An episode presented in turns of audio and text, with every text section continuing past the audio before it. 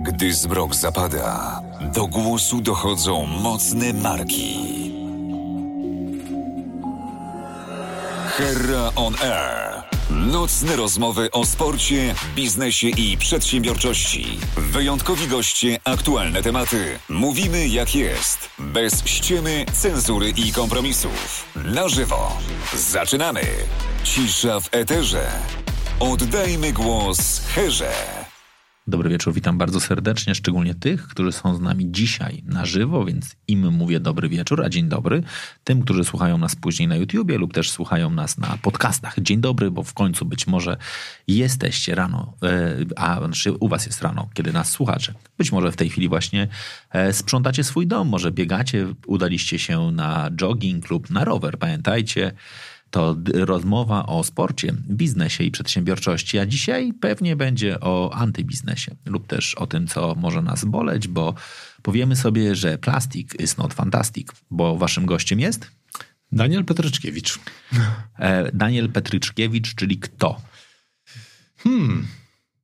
Daniel Petryczkiewicz, czyli przede wszystkim fotograf, e, ale chyba bym dopowiedział aktywista, ale najpierw fotograf. E, bo zanim się stałem aktywistą, szczególnie jeżeli chodzi o plastik, e, no to jednak, kurczę, lubię, lubiłem podglądać zawsze i, i łapać te ulotne chwile.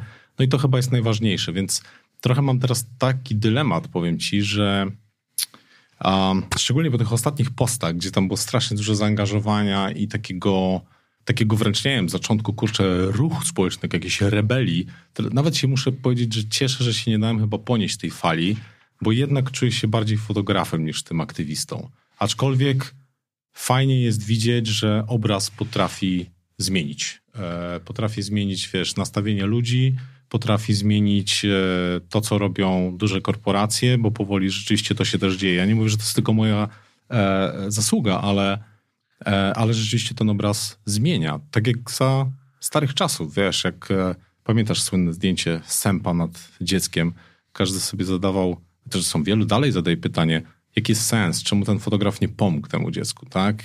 Jak, jaki był sens zrobienia tego, pokazania takiego zdjęcia, potem e, nagrody nawet? Bo pomógł większej no liczbie dzieci? No, prawdopodobnie tak, prawdopodobnie masą, tak? I to jest właśnie ta siła fotografii, siła obrazu. Wydawało się, że przez ostatnie, wiesz, naście lat ta siła znika tak naprawdę, no bo wszyscy jesteśmy fotografami, każdy z nas ma telefon komórkowy, iPada, coś tam, e, pstrykamy tych zdjęcia, zalewamy tą falą mm, cyfrowych obrazów, internet trochę się znieczulamy, trochę już gazety nawet bardzo poważne przestają wysyłać fotografów w miejsca konfliktów, no bo i tak będą mieli jakiś content, bo zawsze ktoś coś wrzuci na Instagrama, Facebooka e, albo po prostu podeśle z komórki, e, ale ja powiem ci, że ja myślę, że to trochę za, zaczyna zataczać koło. Może to jest inny rodzaj fotografii, który zacznę teraz poruszać, ale cieszy mnie to, że porusza. Okej, okay, dobra. To my dzisiaj porozmawiamy sobie na początek o e, fotografii. Czyli w ogóle mhm. o tym, e, kiedy sięgnąłeś po aparat, jakie robisz zdjęcia, jak długo robisz zdjęcia, co znaczy dobre zdjęcie dla ciebie. Mhm. A następnie porozmawiamy o tej fotografii e, zaangażowanej. Czyli porozmawiamy o sztuce. I to takiej sztuce w wymiarze właśnie tym zaangażowanym, czyli tym, który dla mnie faktycznie powinna w ogóle pełnić sztuka. Ona no. powinna poruszać zawsze w jakimś wymiarze. Mm. Fajnie, jak jest e, zaangażowana, czyli na koniec dnia nie tylko porusza do refleksji, ale ta refleksja jest w jakimś kierunku, tak? który, mm. który powinien e, gdzieś nastąpić. Ale zanim do tego dojdziemy, wyjaśnię zasady rządzące tym programem. Ten program dla tych, którzy są z nami na żywo, jest y, programem, w którym uczestniczycie, co w praktyce oznacza, że możecie po prostu pisać na Facebooku, zarówno na mojej stronie Wojciech Hera, jak i na profilu Wojciech Hera Pytania. Wtedy e, zapala się lampka. Lampa, lampka jest symbolem tego, że e, jest e, doskonałe pytanie. Ja je czytam gościowi i Daniel na nie odpowiada. Odpowiada tak długo, aż zgaśnie lampka. To jest dowód na to, że wyczerpująco udzielił odpowiedzi, ale jestem trochę bardziej niż pewien, że akurat z wyczerpaniem każdej odpowiedzi nasz gość, czyli Daniel, nie będzie miał problemu. Pamiętajcie, jeżeli też moglibyście w tym momencie zareagować, dać lajka, reakcję, wr, jak wam się nie podoba, lub też udostępnić tę audycję, tak żeby więcej osób mogło o niej posłuchać już od razu teraz na żywo, to to jest fantastyczny moment. No, to skoro zasady już za nami, jak się z nimi czujesz? Bardzo dobrze. Okay. Moja żona się pewnie ze mnie śmieje, że o, wreszcie się wygada chłop. Do, do, do, dobra, wreszcie się wygada. To zacznijmy od tego, no dobra. Od jak dawna fotografujesz? To bardzo długo. Myślę, że pierwszy aparat, taką małpkę na, na film, e, kiedy już w zasadzie robiłem takie zdjęcia, że jak je przywoziłem do domu, e, to to było widać, że one są trochę inne niż takie też zwykłe pstryki. E, ja się w żaden sposób wtedy nie szkoliłem, broń Boże, natomiast zawsze lubiłem podejść blisko do obiektu. Aha. Zawsze niż, bardziej niż takie szerokie kadry, lubiłem coś wąskiego, wiesz, czasem abstrakcyjnego, blisko twarz. E, wtedy jeszcze nie miałem pojęcia w ogóle o takich rzeczach typu, wiesz, głębia ostrości, jakieś, e, jakaś prawidłowa kompozycja, to, to wszystko na czuja.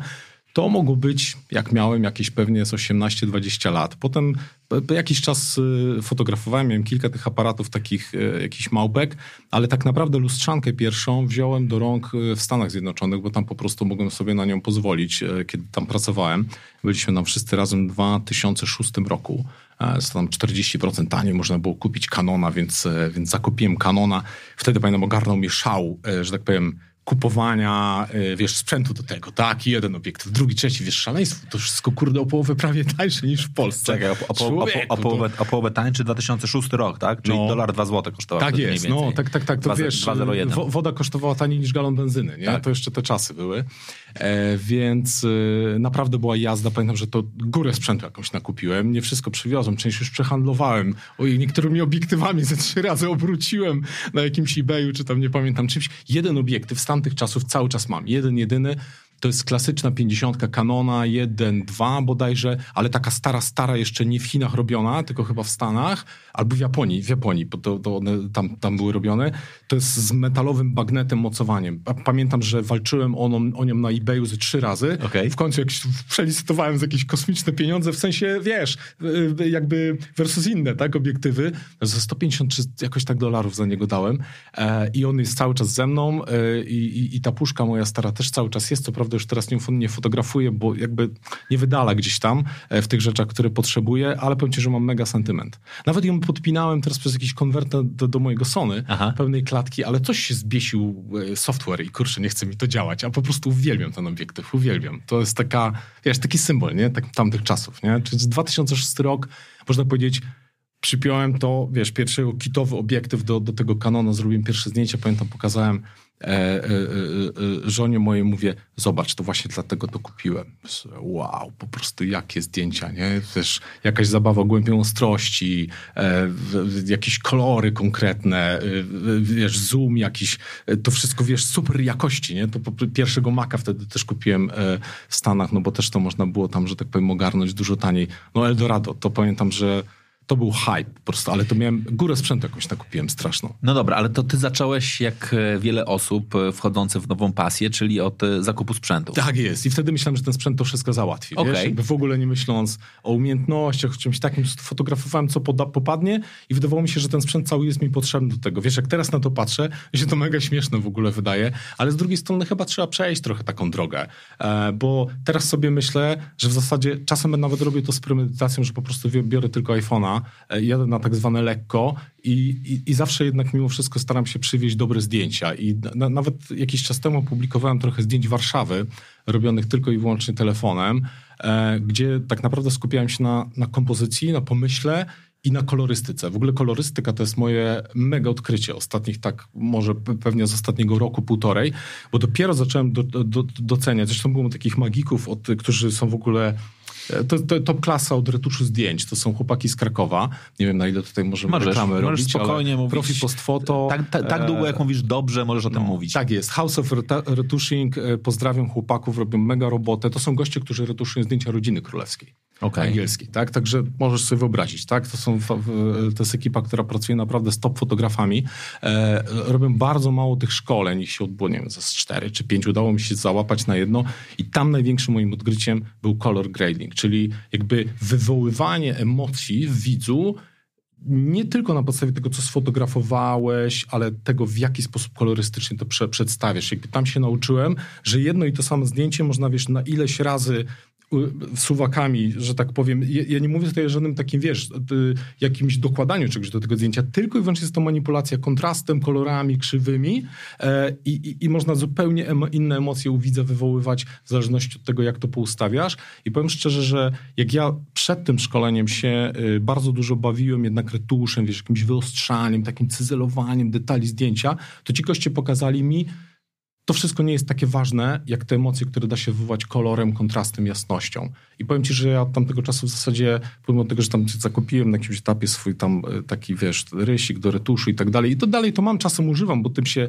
wygodnie robi te rzeczy, też pewnie tutaj jacyś puryści mnie zaraz wykną, że no w zasadzie to tylko tym się robi i tak dalej, ale powiem ci, że ostatnie nawet naście sesji bym powiedział, e, w zasadzie zrzucam z e, aparatu, wybieram najlepsze kadry, i potem już bawię się tylko i wyłącznie kolorem, w zasadzie nie kombinując bardzo dużo z, z niczym innym. Z, zupełnie zmieniłem podejście e, do, do tego, w jaki sposób robię zdjęcia. Dzięki temu jest to dużo szybciej, dużo efektywniej, ale to powiem ci, kosztowało mnie dobre kilka lat, żeby to zrozumieć. Plus jakby y, też jakby przez ostatnie trzy lata, kiedy w zasadzie zdecydowałem się na to, że okej, okay, komercyjnie się zajmuję fotografią i wziąłem kredyt, kupiłem aparat, y, obiektyw taki, który jakby pozwala profesjonalnie to robić, ale też postanowiłem zainwestować w siebie i trochę rzeczywiście, pomimo tego, że wydawało mi się, że fotografuję długo i dużo rzeczy potrafię, to, y, to jednak zainwestowałem w specyficzne rzeczy. Fotografię studyjną, ogarnianie lamp, co mnie zawsze przerażało po prostu.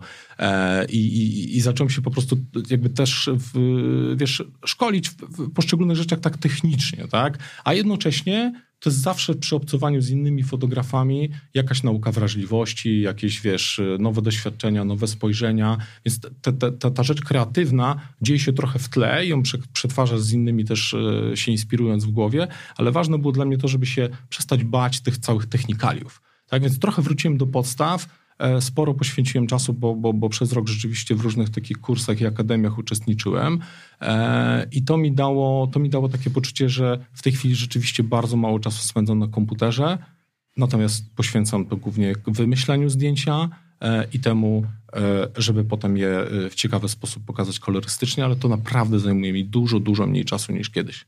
Okej, okay, no dobra. Ale to jest dość ważne pytanie trochę, żebyśmy osadzili no. tę rozmowę w kontekście twojej osoby. Ty powiedziałeś, że zawodowo fotografią zajmujesz się od kiedy? A, trzy lata bym powiedział. Mam... Okej, okay, to kim, kim ty w ogóle jesteś z zawodu no tego pierwszego, pierwszego Słuchaj, zawodu? Nie utrzymuję się z fotografii, to jest rzeczywiście moja pasja albo, albo drugi etat.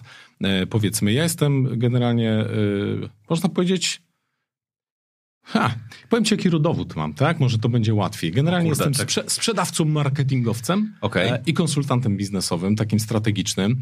E, jakbym tak popatrzył, to to 20 lat w zasadzie siedzę i to głównie w biznesie farmaceutycznym. Okay. E, najpierw pracowałem jako sprzedawca bardzo długo, potem w marketingu, potem wyjechaliśmy właśnie to ma marketingowo się dalej kształcąc do Stanów Zjednoczonych. Wtedy pracowałem w takiej dużej firmy farmaceutycznej, wtedy dużej, teraz też dużej na świecie, ale bardzo małej w Polsce z innych przyczyn, to nie, nie będziemy wnikać. MSD. Potem pracowałem dla paru innych y, y, w, bardziej w otecowych tematach, Bausch Lomb, tak możesz kojarzyć firmę, nosisz super fajne modne okulary, to oni się zajmowali też takimi rzeczami, soczewki kontaktowe, ale też pracowałem w retailu, y, na przykład kierowałem działem handlowym w sieci aptek DOS, Okay. E, I pracowałem dla Rekit Becknizer, to jest FMCG. Mhm. E, strasznie ciężki temat. Znaczy, cieszę się, że to przeszedłem, Natomiast to jest coś, do czego w życiu bym nie, wró- nie wrócił. To jest FMCG, to jest, y, to jest jakiś inny świat i to, to, to, to, to, być może też trochę spowodowało, jak ja teraz patrzę w ogóle na konsumpcję i na tego typu rzeczy, bo, bo, bo ja widziałem to po prostu od środka, zarówno w sieci aptek, jak i właśnie w takim y, FMCG-owym y, molochu. E, no i potem wszedłem bardzo mocno w konsulting, taki strategiczny. Z racji swoich doświadczeń raczej doradzałem zarządom, prezesom, już gdzieś tam product management, launche produktów, e, field force'owe tematy. No i w jakimś momencie e, gdzieś zetknęło mnie z e, moim kolegą Michałem z, z takiej firmy konsultingowej Bain, który poszedł do LuxMedu i e, gdzieś w jakimś momencie Michał do mnie zadzwonił, słuchaj, to w LuxMedzie jest taki fajny temat projektowy, trzeba rozwinąć stomatologię. No i spotkałem się z, w LuxMedzie z, z panią prezes i się okazało, że, że nadajemy na tych samych falach. No i y, rozwijam dla LuxMedu stomatologię. I to jest jakby to, gdzie zarabiam, zarabiam pieniądze na życie. E, natomiast jednocześnie no, zawsze mówiłem i jak podjąłem tą decyzję, to pasja jakby i to, żeby była odskocznia jakaś od tego, co się robi tak na co dzień, jest dla mnie ogromnie ważne. Taką odskocznią dosyć długo był sport e, i, i, tam, też, tam też jakby w tą fotografię ludzi wszedłem, bo, bo jak zapytałeś mnie o to, jakie były początki, to ja tak naprawdę bardzo dużo fotografowałem, szczególnie w Stanach, pejzaży. e, krajobrazów. Potem jak wróciłem tutaj do Polski, to, to długo bardzo jakby nie mogłem wyjść z tego takiego pejzażowego tematu i takiego abstrakcyjnego. Różnego rodzaju abstrakcje fotografowałem takie trochę nie wiadomo co. E, zrobiłem taki projekt, to zresztą była moja pierwsza, pierwsza wystawa fotograficzna y, Meandry, to była, tematem była Wisła i ja tą Wisłę jakoś tak próbowałem pokazać, jak ona wygląda, tak jak jej tak nie widzimy wprost, trochę, tak, trochę metaforycznie. Może kiedyś do tych zdjęć wrócę, jak ktoś chce pogrzebać, to na Instagramie je wygrzebie, bo one gdzieś tam na początku mojego profilu, jak ktoś ma cierpliwość poskrolować, są czarno-białe, czarno-białe zdjęcia, e, ale właśnie poprzez sport i pasję sportową zacząłem fotografować ludzi, których zawsze się bałem bardzo. Natomiast e, jakby sport był pretekstem do tego, że będąc między ludźmi jakby socjalnie, raptem odkryłem, że wow, to jest strasznie ciekawy świat. Taka, ja, y, y, moim pasem jest e, pływanie na desce, wakeboard, mhm. albo za motorówką, albo za, na wyciągu.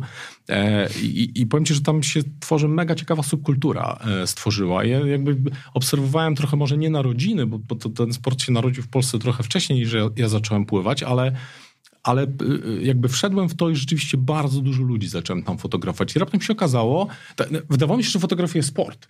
Ale jak oglądałem po sezonie te zdjęcia, się okazało, że kurczę, całe mnóstwo fantastycznych fotografii ludzi, które mi się po prostu zaczęły podobać. I się okazało, że ci ludzie ani na mnie nie krzyczą, ani nikt się nie, nie zasłania, mówi nie rób zdjęcia, albo wiesz, bo to, to jest takie potoczne myślenie, nie? Że, że jak gdzieś na streetie robisz, czy coś takiego, to rany, jak to ci ludzie tam cię, nie wiem, nie opierdzielą albo coś, albo ktoś ci nie weźmie tego aparatu, teraz jest taka trochę, wiesz, w ogóle e, schiza, nie? Na, dlaczego pan nie fotografuje? Dlaczego tak, pan tak, fotografuje? Dokładnie. Co pan zrobi z tym zdjęciem? Tak jest, dokładnie, dokładnie. To jest, to jest mega, mega taki, to, to, trudna rzecz, możemy do tego potem wrócić, ci opowiem parę historii, ale, ale no, okazało się, że ci ludzie nie są tacy straszni i mnie nie zjadają, wręcz przeciwnie, akceptują mnie fajnie, te zdjęcia się podobają. I rzeczywiście przez e, dwa lata ponad robiłem te zdjęcia, to trochę lifestyle'u do tego do, do, dochodziło, mniej lub bardziej komercyjnie, fotografowałem wszystkie największe zawody wakeboardowe w Polsce, e, riderów takich międzynarodowych, którzy przyjeżdżali, te zdjęcia się podobały, fajnie, ale w jakimś momencie sobie pomyślałem, kurczę, tylko co to tak naprawdę znaczy, nie? Czy mm, tro, trochę, trochę doszedłem do dwóch ścian. Do pierwszej takiej ściany powiedziałem sam, cholera, no pewnie mógłbym jeszcze lepiej to robić i, i, i, na pewno to nie jest taki skończony, wiesz, warsztat i, i, to już jest, że tak powiem, wszystko wycisnąłem, bo, bo, bo to bym był e, za, zarozumialcem tutaj e, został okrzyknięty i pewnie słusznie, ale sobie pomyślałem, kurczę, już trochę nie za bardzo nie za bardzo więcej sfotografuję już, już w tym, wiesz? I, a, a druga kwestia była taka, sobie pomyślałem, hmm, no i jakie to tak naprawdę ma znaczenie? I sobie pomyślałem, kurczę, że chciałbym zacząć jednak robić coś, co ma znaczenie, tylko takie znaczenie, wiesz, trochę szersze niż tylko dla mnie i grupy moich znajomych. E, I, I, ponieważ mieszkam w Konstancinie i to mało ludzi wie, Konstancin to jest uzdrowisko, jedyne na Mazowszu. Jak popatrzysz na mapę smogową, to to jest jeden z najczerwieńszych punktów w województwie. To jest dramat po prostu, czym się pali w Konstancinie. Nie wiem, jak to wyrugować, nie mam pojęcia. W każdym bądź razie, czy ja nie wiem, jesteśmy po 21, czy tu można kląć? Można kląć, czasu, nawet, nawet jakbyśmy byli o 10 rano, to tak? by można było okay, kląć. Dobra, dziękuję bardzo, to tylko chciałem. Więc, yy, więc tak naprawdę patrzyłem sobie na to i, i po prostu stwierdziłem, że wkurwia mnie to strasznie, tak? I to może to trzeba jakoś pokazać, tak? I może to jest ten moment, ale ale wiesz, jak to każdy twórca, chociaż nie wiem, czy każdy, no ale ja tak miałem, so, so, ja sobie wymyśliłem w głowie, że ja sfotografuję... Yy, a to jeszcze, żeby kontekst dodać. Wtedy byłem w trakcie takich cykli warsztatów yy, z takim yy, gościem, który jest wykładowcą, prowadzi warsztaty Tomkiem Drzewińskim. On też był art dyrektorem w, w paru pismach takich modowych, jest w ogóle pasjonatem fotografii modowej. Pozdrawiam Tomka, jeżeli, jeżeli ogląda. W każdym razie Tomek mnie zaraził właśnie takim spojrzeniem bardziej estetycznym, modowym i uczył mnie fotografii studyjnej. I, i, I, ja do Tomka kiedyś poszedłem, e, się z nim umówiłem jak tak offline. Mówię, Tomek, mam taki pomysł, słuchaj, chciałbym na tle Warszawy sfotografować, wiesz, ciało, modelki, y, takie, wiesz, zwiewne, delikatne, może jakoś artystycznie wygięte, typu yoga, takie zderzone, wiesz, z tym smogiem tego miasta nad dachami Warszawy, ale mówię, musi to być koniecznie Warszawa, bo wiesz, jest trochę taki hype na Warszawę, to jest raz, a dwa, jak takie zdjęcie umiejscowisz w jakimś otoczeniu, które nie jest anonimowe, to ludzie zaczynają się z tym utożsamiać, nie? I to sobie pomyślałem, że to, to, że to może być takie fajne. Tomek wtedy powiedział, wiesz, fajnie, mówi pytanie, czy to cię nie zamknie w jakiejś niszy, tak trochę mówi, a, a, a wiesz, to też różnie może być, y, jak, jakby nie wiadomo, czy to się jakby, nie wiem, na przykład miastu spodoba albo coś. Tak wiesz, no w wyważony sposób próbował, e, próbował jakby dyskutować ze mną, ale oprócz tego powiedział mi, bo ja się podzieliłem z nim tym, że mówię, Tomek, ja trochę nie wiem, jak to zrobić, niby mnie tutaj uczyłeś tego wszystkiego, jak to garniać z tymi lampami i tak dalej, ale ja mówię, kurde, jak to się tej modelce nie będzie podobało, albo nie będę potrafił tego garnąć, jak to nie wyjdzie, wiesz, wyjdę na ten dach, uda mi się i to w ogóle do kitu te zdjęcia zrobię. A to mówi, ty, w ogóle przestań, weź aparat, weź modelkę i po prostu zrób zdjęcia, nie? I to było tak we wrześniu. No oczywiście nie, nie zrobiłem trochę nic z tym, e, tylko dalej sobie chodziłem i wątpiłem, czy potrafię i... E, i jakoś w listopadzie chyba zobaczyłem zdjęcia y, mojego kolegi, też fotografa z, z, maskami gazowymi, jakaś taka stylizacja smogowa. Sobie myślałem, kurwa, kradnie mi pomysł, nie?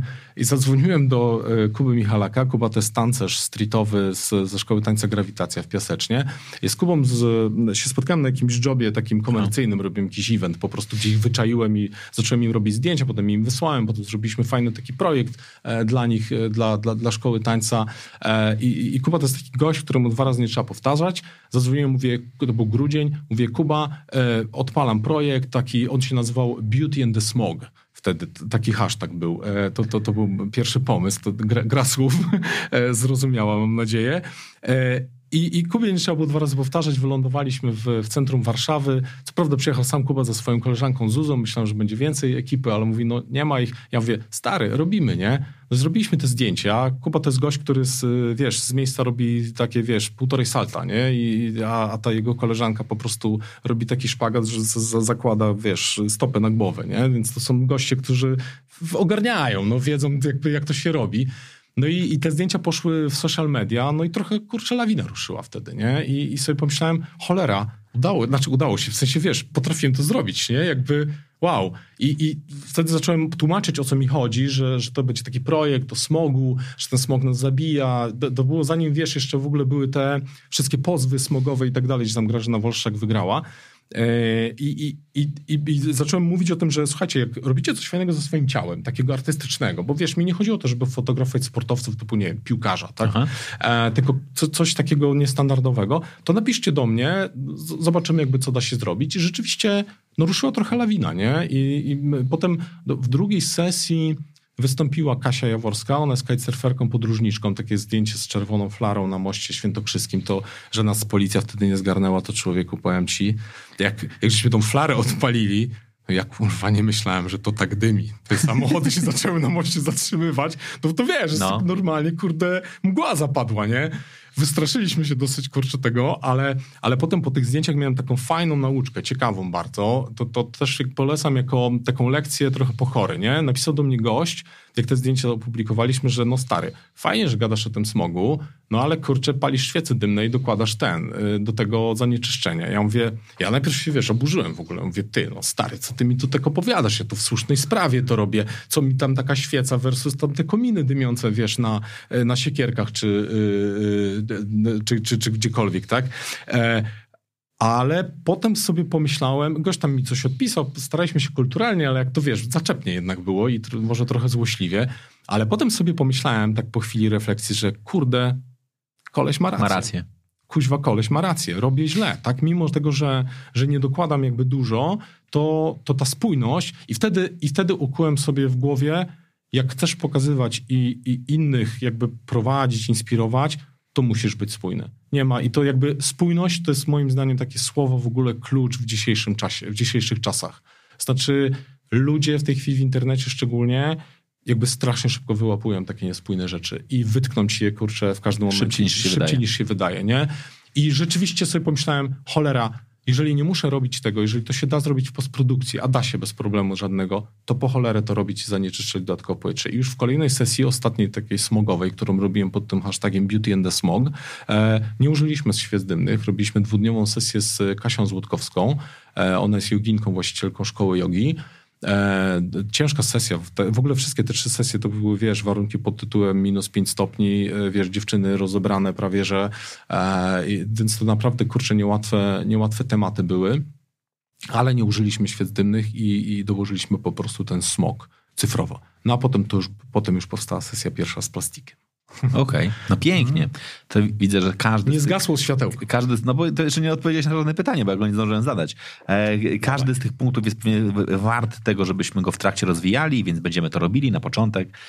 E, Pytanie od naszego najbardziej lojalnego słuchacza, aktywnego. Znaczy są tacy, którzy też są z nami równie często, ale nie są tak aktywni jak Adam, docent Adam. E, no właśnie. E, Czy w ogóle można mówić o fotografii artystycznej, czy zwyczajnie bardzo dobrze robionej, na przykład komórkami?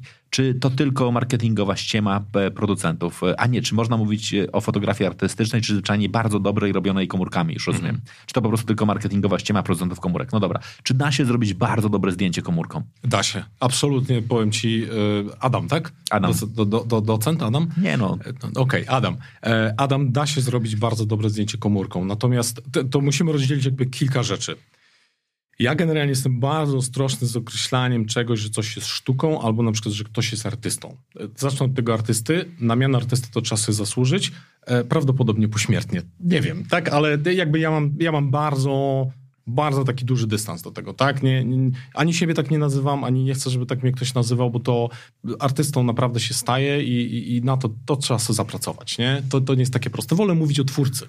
Tak? E, natomiast to, czy coś jest artystyczne, czy nie, to temat rzeka. To pewnie byśmy tutaj spędzili e, e, do rana czas, bo, no bo, no, no bo to zależy, jakie przyjąć kryteria, czy to być klasyczne, czy to musi minąć odpowiedni czas, czy to ma się podobać jakiejś określonej ilości ludzi, czy to ma być na jakimś poziomie, ale to co wtedy, jakie są kryteria tego poziomu, nie jestem w stanie dobrze i też nie czuję się chyba na siłach odpowiadać na takie pytanie, bo to wiesz, nie, nie tacy mądrzy, kurczę, próbowali na to pytanie odpowiedzieć. To jest pytanie mocno filozoficzne, bym powiedział, mocno z, z teorii sztuki. Ani nie jestem kształcony w tym, ani się nie będę wymądrzał. Ja, ja mogę tylko powiedzieć, że wydaje mi się, że, yy, że, że na to miano sztuki, jeszcze raz wrócę, trzeba zasłużyć i to bardziej się to, to, przy, to, daje czas, moim zdaniem, jakiś tak? Czas i to, że, że, że coś, co zrobiłeś, się przez ten czas po prostu sprawdza i broni w jakiś sposób, tak?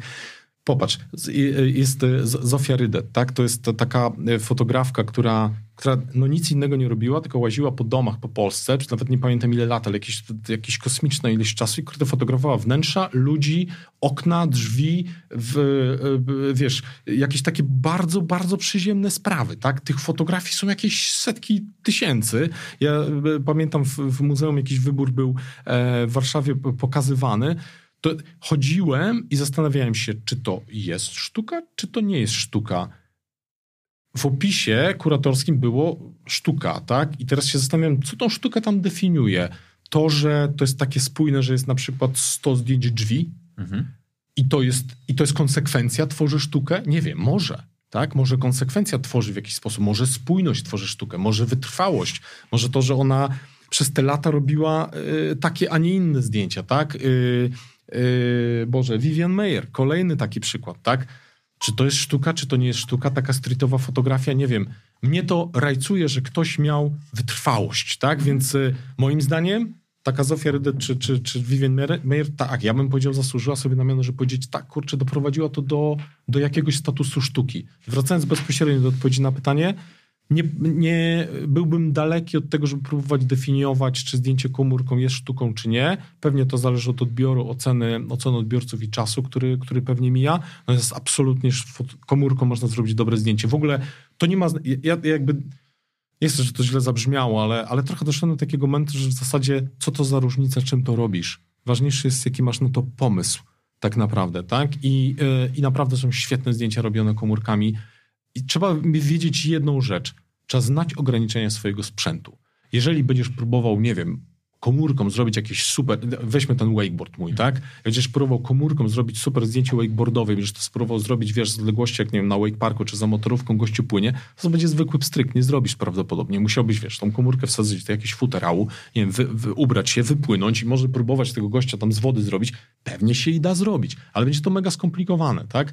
I, i, i być może w ogóle będzie też rozmazane, nie, nie uda się to, bo to komórka, wiesz, gość płynie tam, nie wiem, 10, e, 20 km na godzinę, komórka takiego szybkiego szybkiego szatera nie ma, w sensie migawki, nie złapie tego, ale trzeba wiedzieć, że to są ograniczenia i wiedzieć, że ja nie zrobię komórką super zdjęcia sportowego, które, nie wiem, opublikuje potem jakiś magazyn, tak? Eee, wiesz, wakeboarder, czy, czy jakiś Unleashed magazyn, czy coś tam są te branżowe wakeboardowe, co nie znaczy, że na przykład na brzegu nie można fajnego zdjęcia komórką zrobić. Taki to już będzie coś zupełnie innego. Moim zdaniem kluczem jest zrozumienie, co chcesz zrobić i jakie masz ograniczenia tego sprzętu. Tak? Natomiast można zrobić świetne zdjęcia komórką. Ja ciebie, Adam, zapraszam do siebie na profil. Zobacz zdjęcia Warszawy, czy ci się to jakby podoba, czy to w ogóle taka estetyka do ciebie gada, czy nie. E, ja jestem bardzo zadowolony z tych zdjęć. Znaczy, generalnie staram się nie pokazywać czegoś, czego nie jestem, e, ale te, te zdjęcia opublikowałem z Warszawy właśnie specjalnie po to, żeby pokazać, popatrzcie, nie muszę mieć super aparatu za 20 tysięcy, e, żeby zrobić bardzo dobre zdjęcia. Tak? Tylko muszę wiedzieć, co i dlaczego fotografuję i, e, i, i znać ograniczenia e, tego sprzętu, że wiem, że to po prostu jakościowo, na przykład kolorystycznie, oświetleniowo dobrze wyjdzie. Że można by sobie powiedzieć, ja powiem ci, że taki paradoks, znowu puryści mnie e, może sklną, ale powiem ci, że ja się dużo więcej nauczyłem o świetle i o czytaniu światła, fotografując komórką niż aparatem bo aparatem prowadzi to do mega frustracji, bo kurde nie do końca rozumiesz, jak to działa. A komórką bierzesz tego iPhone'a, jak można było to bym pokazał, ale nie wiem, klikasz palcem tu, żeby mierzył światło tu, on mierzy światło tu i ty widzisz od razu, co się z tym obrazem dzieje.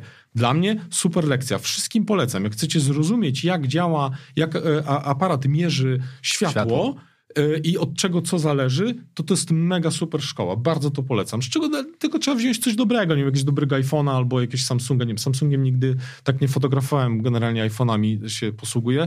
E, to coś, co po prostu będzie odda... no jak, jakby jakość będzie zadowalająca, nie? Chodzi o to. Natomiast super szkoła. E, bardzo polecam, żeby sobie takie ćwiczenia porobić i polecam ćwiczenia pod tytułem weź w podróż tylko iPhone'a i zobaczysz, co przywieziesz. Ja, ja z Londynu, to znowu polecam wejście czy na Instagrama, czy na Facebooka, przywiozłem kiedyś takie zdjęcia, że moi koledzy nie byli, nie, nie uwierzyli mi, że kurczę, zrobiłem to iPhone. Naprawdę. Jest parę takich strzałów, jakieś dwa czy trzy, że po prostu ja, ja aż sam patrzę na nie i mówię, kurde, aż niewiarygodne. Ja mówię, jak ten iPhone to w ogóle kurczę ogarnia, nie? Mm, no, gdzieś, trochę szczęścia pewnie miałem, tak, bo, bo akurat złapałem światło, ale to znowu, no musisz wiedzieć, tak, że to jest to światło, które tak, a nie inaczej Wyjdzie. chcesz złapać tą ostrość i tak dalej, i tak dalej, nie, więc to okay. taki temat. To jest w ogóle ładne jakby podprowadzenie pod komentarz tego, co napisał Adam inny Adam, Adam mm. Kozina, ale to nie, e, to, to chyba nie aparat robi no, zdjęcia, tylko, tylko osoba, no, więc właśnie. to fotograf jest najważniejszy, no, tak mi się wydaje. Ja myślę, że są e, dwa takie przykłady pewnie z mojego e, doświadczeń, które często pokazuję. Mam no, serdecznego przyjaciela, Marcin Szymański, pozdrawiam cię bardzo. Bardzo dobry fotograf jedzenia. On po prostu się jakby specjalizuje w fotografii foodowej. Koniec, po prostu. Mm. Ja kiedyś byłem na, zabrał mnie na sesję, gdzie pokazywał, jak się robi zdjęcie do, do magazynu kulinarnego. Ile czasu zajmuje stylist, jego, jego, no. jego partnerka jest stylistką jedzenia, to w ogóle ile Kosmos. czasu zajmuje jej zrobienie stylizacji. E, po czym on faktycznie przychodzi i robi zdjęcie. Ale mówię o tym, bo myśmy siedzieli w knajpie i on faktycznie miał tylko iPhone'a i, i zrobił zdjęcie hamburgera.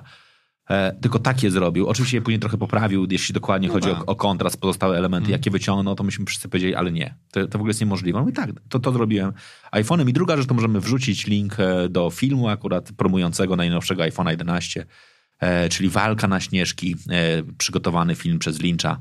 On faktycznie pokazuje też możliwości no. z kolei wideo tego, e, tego, e, tego te, tej rzeczy. A ja z jedną częścią się z tobą nie zgodzę i to jest taka rzecz trochę a propos e, twórcy i artystów.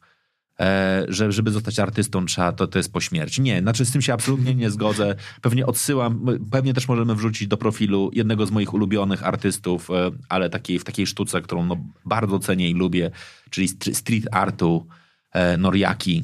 Noriaki z Poznania, facet, który... I to jest coś, co ty powiedziałeś, hmm. konsekwencja. Okay, no, Noriaki jasne. jest gościem, który no, E, e, robi graffiti, ale też robi, robi po prostu jakby malunki na różnych miejscach, tak, tak zwanego watchera.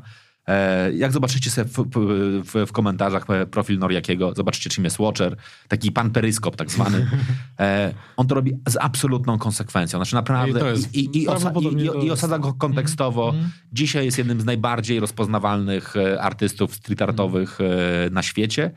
Potężna kariera międzynarodowa I tu wielki ukłon e, do miasta Poznań, bo Noriaki jest z Poznania, miasto Poznań. Pozwalają mu robić, co? Po, pierwsze, po drugie nie, wciągnęli go naprawdę na oficjalne dobro miasta. Znaczy jakby faktycznie Super. chwalą się, chwalą się jego pracami, Super. pozwalają mu robić i naprawdę Mm. go nie banują, choć e, no, jego kariera jest jak każdego stylartowca, no jakby kilka, kilka razy e, tata, go, tata go odbierał z komisariatu, natomiast no jakby no to jest coś, co, e, co naprawdę jest absolutnie genialne. Po, podziwiam, podziwiam naprawdę to. Myślę, że e, nie lubię określenia, że ktoś jest polskim, bo to nie, że ktoś jest, nie wiem, piosenkarzem, jest, nie wiem, po- polskim, e, nie wiem, polskimi Beatlesami są tamci, albo on jest nazywany Tak. polskim Banksy. Ja nie lubię tych porównań, że, że trzeba, jest po prostu faktycznie twórcą samym w sobie.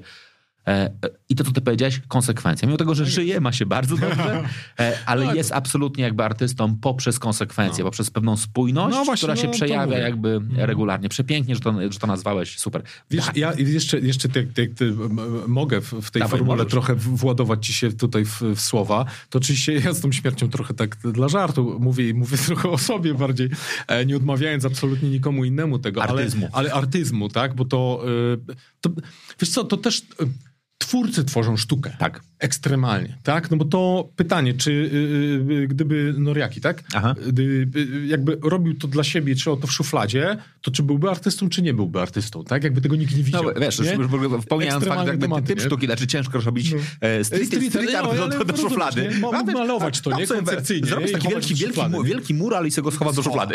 No, Pół budynku. Tak jest, pół budynku. No może być. E, Okej, dobra. Ale rozumiesz, o co mi chodzi, nie? E, więc to, to, to, tak naprawdę, to tak naprawdę odbiorcy powodują, że coś jest sztuką, czy nie, no bo to oni to finał, finał finałów oceniają, tak? W jakiś sposób. Okej, dobra.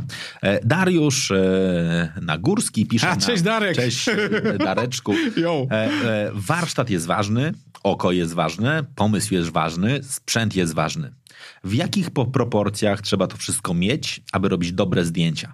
Jak te cechy wpływają na jakość zdjęć, czy ogólnie fotografa? Ha, no właśnie, warsztat, oko, pomysł, sprzęt. Będzie nudno, bym powiedział, bo tak naprawdę to ja bym powiedział, że tak, sprzęt jest w ogóle na samym końcu, tak Okej. jak powiedziałem. E, co to znaczy oko? Tutaj czekaj, bo tutaj widziałem, końca- widziałem chyba, że Ewa nas ogląda, czyli odpowiedzialna za, za sprzęt, więc A, e, u- okej. uważaj trochę. Sprzęt Dobra. jest bardzo ważny, Ewa. Uwaga, ja, ja, powiem, wam to troszeczkę inaczej, bo odpowiem ci, Darek, w, w, w taki sposób i, i jakby wszystkim. E, Jest takie zdjęcie e, moje w, w Warszawy, Pałacu Kultury, które bardzo lubię, e, które zrobiłem moim soniaczem i pięćdziesiątką, taką klasyczną, do tego po, po, podpiętą. E, I to zdjęcie, to zdjęcie mokrej Warszawy, takiej po, jakiejś sesji wracałem w ogóle i sobie pomyślałem, cholera jasne, to jest idealny moment, żeby pyknąć taką, taki pałac kultury odbijający się w tej ulicy Przeskok. Kojarzysz, nie? Tam, gdzie jest Astoria, ten budynek, to, to jest po prostu ulubione miejsce tych, co fotografują Pałac Kultury i rzeczywiście pięknie się to wszystko tam odbijało.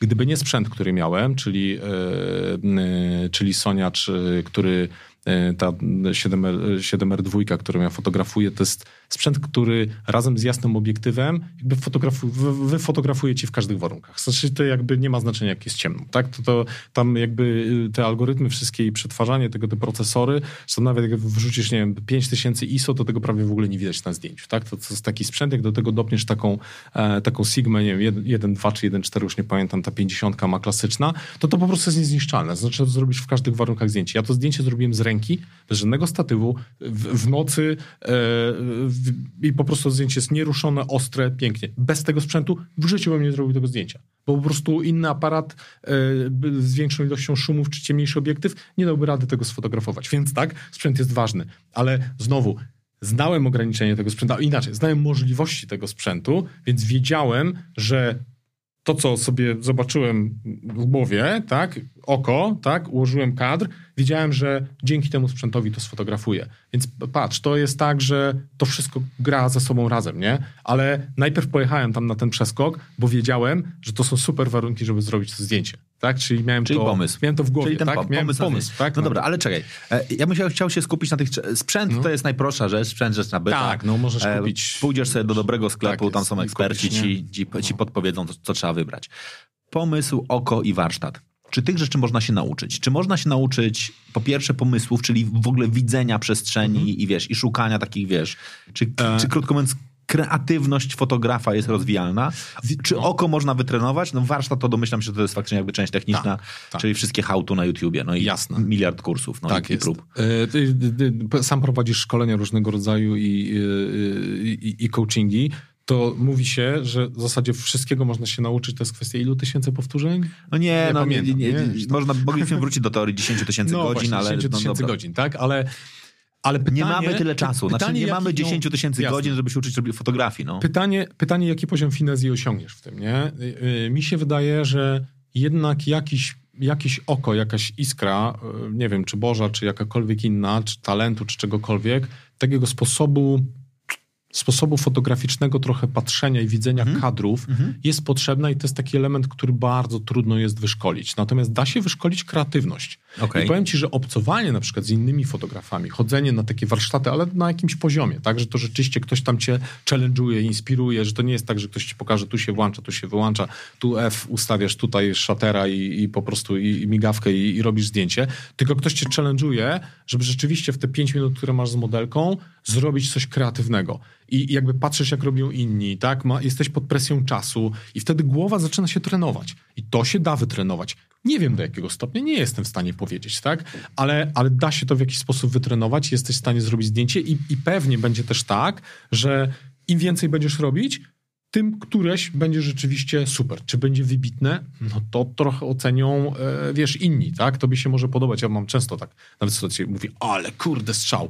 Wrzucam, taka sobie reakcja. A potem coś tam, wrzucam jakieś zdjęcie, które, a no, okej jest, nie? Wrzucam, a tam szał jakiś, nie? Bo się, kurde, ludziom nagle podoba takie zdjęcie, nie? Wiesz, po, popatrz na sesję No Beauty in Plastic. Ja zrobiłem 10 sesji e, do tej pory w tym projekcie, a tak naprawdę ta ostatnia, dziesiąta, której miało nie być, to pewnie jeszcze do tego wrócimy, wywołała to szaleństwo, które wywołała teraz, tak? Więc to niezbadanymi ścieżkami troszeczkę chodzi, tak? Ale trzeba mieć dużo cierpliwości i jakby takiego tego samozaparcia i, i konsekwencji do tego. Więc jeszcze raz wracając do tych proporcji, e, tam co to było? Oko, warsztat, pomysł? Warsztat, oko, pomysł Warsztat, oko, pomysł, sprzęt. Ja bym, ja bym powiedział, że, e, że, że pomysł to jest 60%.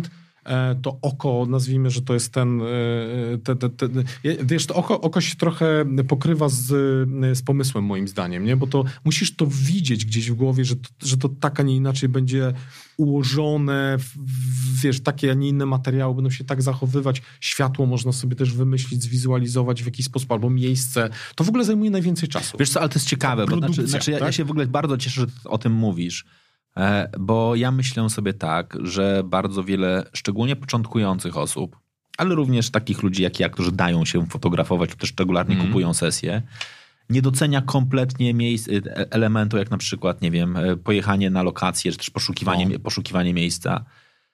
E, Tak.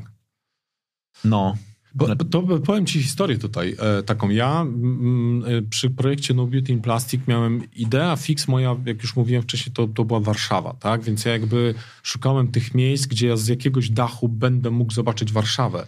Jakby i, i produkcja tego, tak? W cudzysłowie, czyli dotarcie do tych miejsc i, i, i wiesz, ko- przekonanie kogoś, żeby cię na ten dach wpuścił, wieżowca, e, szczególnie z jakimiś wariatami, którzy skaczą i robią salta i, i coś jeszcze innego, e, albo robią ró- różne dziwne pozy, to to była mega trudna rzecz. Dlatego ja mówię, produkcja zajęła mi w tym projekcie najwięcej czasu, tak? Bo to, wiesz, wychodzenie tego, wydzwonienie ludzi, na Facebooku poszukiwanie, wlezienie na ten dach, znalezienie odpowiedniego miejsca tam na ten dach. Ja jestem z natury niecierpliwy, więc ja jak wchodzę w jakąś lokację, to często chcę już zrobić jakieś zdjęcia, bo mi się wydaje, że, że to mi ucieknie, nie? A potem nagle zaczynam odkrywać smaczki, a może tu, a może tam, może trzeba gdzieś wleźć, gdzie indziej. Robiliśmy już teraz, mogę powiedzieć, tak, ale e, Grzesiu, którego, e, e, no, to już nie będę może po nazwisku, który nas wpuścił na dach Pricewaterhouse przy rondzie jazdy polskiej, no to tak naprawdę to ochroniarz nas wpuścił na ten po, poziom niżej, gdzie były barierki. Ja Mówię, kurwa, jak ja tutaj zrobię te zdjęcia? Przecież ci akrobaci, super skaczą, tu mi ta barierka, będę to retuszował, potem no przecież to w ogóle bez sensu, nie? Tak zrobiliśmy parę kadrów, ale jakoś mówię, nie czuję tego kompletnie. No i była taka, widzę, że jest drugi poziom tego dachu. E, o poprzednim to mówię, kurczę, chyba się tam nie da jakoś wejść, no ale było rusztowanie. Ja mówię, no ostatecznie jestem tu z akrobatami, cyrkowcami, nie? No to wiesz, dużo nie trzeba było gadać, nie? Julian z Marysią oczywiście wleźli tam, wiesz, w paru podskokach. A dałem ty, im czekaj, ale co, co, co z tobą? Co z tobą? Nie, no też wlazłem. Okej, ja wiesz, dobra. ja oprócz tego, że, że teraz y, to się pływaniem zajmuję na desce, to też się wspinam i się wspinałem Okej. kiedyś, więc jakby to też nie było problemem. Ja tylko bardziej się martwiłem o to, że jak przyjdzie ten ochroniarz i następnie dostanie, to będzie zadyma. No. I dopiero jak weszliśmy na ten najwyższy poziom, mówię, kur... No to jesteśmy w domu teraz, nie? Wiesz, w kompletna lufa, nie? Jesteś, wiesz, nie wiem ile ten budynek tam ma, nie wiem, 12 czy 13 pięter. E, wiesz, żadnych barierek, nic, papa, industrial, po prostu i ten downtown, nie? Kurna w tle. Ja mówię, to jest to, nie? I ten wiatr, ta folia. Ja to po prostu, wiesz, ja to pamiętam, jak stałem na tym dachu, wiało jak cholera jasna, było zimno, to był jakiś marzec w ogóle. E, wiesz, słońce. Ja mówię, kurde, widzę te zdjęcia, rozumiesz, pokolorowane, potem na żółto, Mad Max, taka postapokalipsa, po prostu, po prostu widziałem to, nie? Tam, wiesz, to słońce z tła, takie, wiesz, rozszczepione w obiektywie, no po prostu to było coś fenomenalnego też, wiesz, że ja, ja jakby zajmowałem się wizją tego, nie, muszą, nie musząc myśleć, pracując z takimi ludźmi, z jakimi pracowałem, bo to y, Marysia i Julian, to żebyście jakby złapali kontekst, y, oni wygrali Mam Talent w Okej. zeszłym roku, tak? Więc jakby no, rozmawiamy o ludziach, którzy, wiesz, są do takiej perfekcji, że e, wiesz, oni na krawędzi dachu robią jakieś tam podrzucanie, robią to trzy razy, po czym patrzymy na zdjęcie, ale no mówi, nie, nie, nie, tutaj ma Marysia nie, puenta, nie flex, nogę i tutaj mam w ogóle jakoś dziwnie palec. Jeszcze raz. Nie? I, I wiesz, albo nie wiem, robili takie, taką stójkę, że, że jakby Marysia tak się przechylała na Juliana. Ja mówię, ja, ja wiesz, ja czułem, jak mi pot cieknie po plecach. Ja mówię, kurwa, mówię, Julian, weź, jak mi się to stąd zwalicie, nie, to, to będzie masakra. A Julian z, z powiem, nie, mówi, to jest taka pozycja, która jest tak wyważona, że jak Marysia się przewróci, to do środka dachu, a nie na zewnątrz. Kurwa. Rozumiesz, nie? Ja Takie pierdzielę. klimaty. Więc, e, więc to było, była rzeczywiście jazda niesamowita z nimi, ale jakby trafienie tam na ten dach, to ja nie wiem ile ja rozmów, wiesz, odbyłem, No. e, póki się to gdzieś tam jakimiś facebookowymi kanałami udało. Inny case, e, wymarzyłem sobie, że chcę zrobić zdjęcia na kultowym, e, ostatnim tym levelu parkingu przy Nowotelu, nie? Tam, gdzie wiesz, e, ślepnąc od świateł, Aha. słynna torba i tak dalej. Mówię, nie no, taki widok, muszę tam zrobić zdjęcia. Napisałem oczywiście do Nowotelu, żeście mi odpisali, że jak najbardziej wynajmują pół godziny tysiąc złotych. Mówię, kurwa, chyba żartujecie, nie? Ja to robię, wiesz, pro bono tutaj, wiesz, z, z, prywatnie i tak dalej, mój projekt. No i znowu, Facebook, coś tam, ktoś kogoś zna, ktoś mnie polecił, dzwonią, okej, masz pół godziny, nie? Przyjechałem, e, joginka umówiona moja, Kasia Złotkowska, wiesz, e, zimno wtedy jak cholera jasna, trzeba zrobić te zdjęcia, przyjeżdżam, a ochroniarz mówi, że on nic nie wie, nie? Jak to zwykle, nie? Cieć, rozumiesz, ma największą władzę, nie? Nie No. wpuścicie, koniec, nie? Ja wj- wjechaliśmy, bo tam się wjeżdża, nie wiem, czy wjeżdżałeś do pewnego momentu i tam jest brama, nie? Taka nie, nie wiedziesz dalej, nie? No i gość mówi, nie, nie. Ja mówię, kurwa, nie? Mówię, no to, to, to, to rura na dół, nie? Do, do, do, do, do, do hotelu, do, do recepcji z kierownikiem jakimś, no i tłumaczę, pokazuję maila. Pani mówi, że ona nic nie wie, nie? że w ogóle o co chodzi, nie? Ja mówię, kurczę, to proszę zobaczyć, tu jest mail. Pan, dobra, pan mi tego maila wyśle, ja tu pójdę, sprawdzę, nie? No jak zwykle, nie? Dostała, pójdzie gdzieś sprawdzi, nie? Sobie wróci, dobra, pół godziny, nie? Ja mówię, ale już ochroniarz będzie wiedział, nie mów, bo już, wiesz, jest spocony cały tutaj, wiesz, zimno na zewnątrz, wieje, a, a ja, wiesz, w kurtce coś tam. No i wbiegam na górę, ochroniarz mówi, dobra, już wiem, nie? To wchodzicie. Ja mówię, mamy pół godziny, nie? I kurde, pod tą, i wtedy dopiero doceniłem, jak mnie Tomek na swoich warsztatach piłował, że masz 5 minut dla modelki, musisz wycisnąć maksa, nie? No i znowu, to, że ja pracowałem z takimi ludźmi, jak Kaśka, czy Julian, Marysia i wszyscy po, pozostali, to było to, że ja po prostu w ogóle się nie musiałem przejmować tym, że wiesz, słuchaj, tu masz coś źle pozę, zrób tak inaczej. Oni wiedzieli, co robią, nie? I oni, to są ludzie, którzy robią i się zachowują tak, jakby widzieli siebie z zewnątrz. To jest po prostu coś niebywałego absolutnie, nie? To ja, ja po prostu w kosmosie byłem, nie? To ja mogłem się zająć naprawdę kompozycją, światłem, e, wiesz, tym, żeby to wszystko miało smaczek jakiś. Nie musiałem się przejmować jakby tym, jak ona jest ułożona i, i, i tym, że coś sobie, nie wiem, zrobi, bo ona jakby zna swoje ciało super.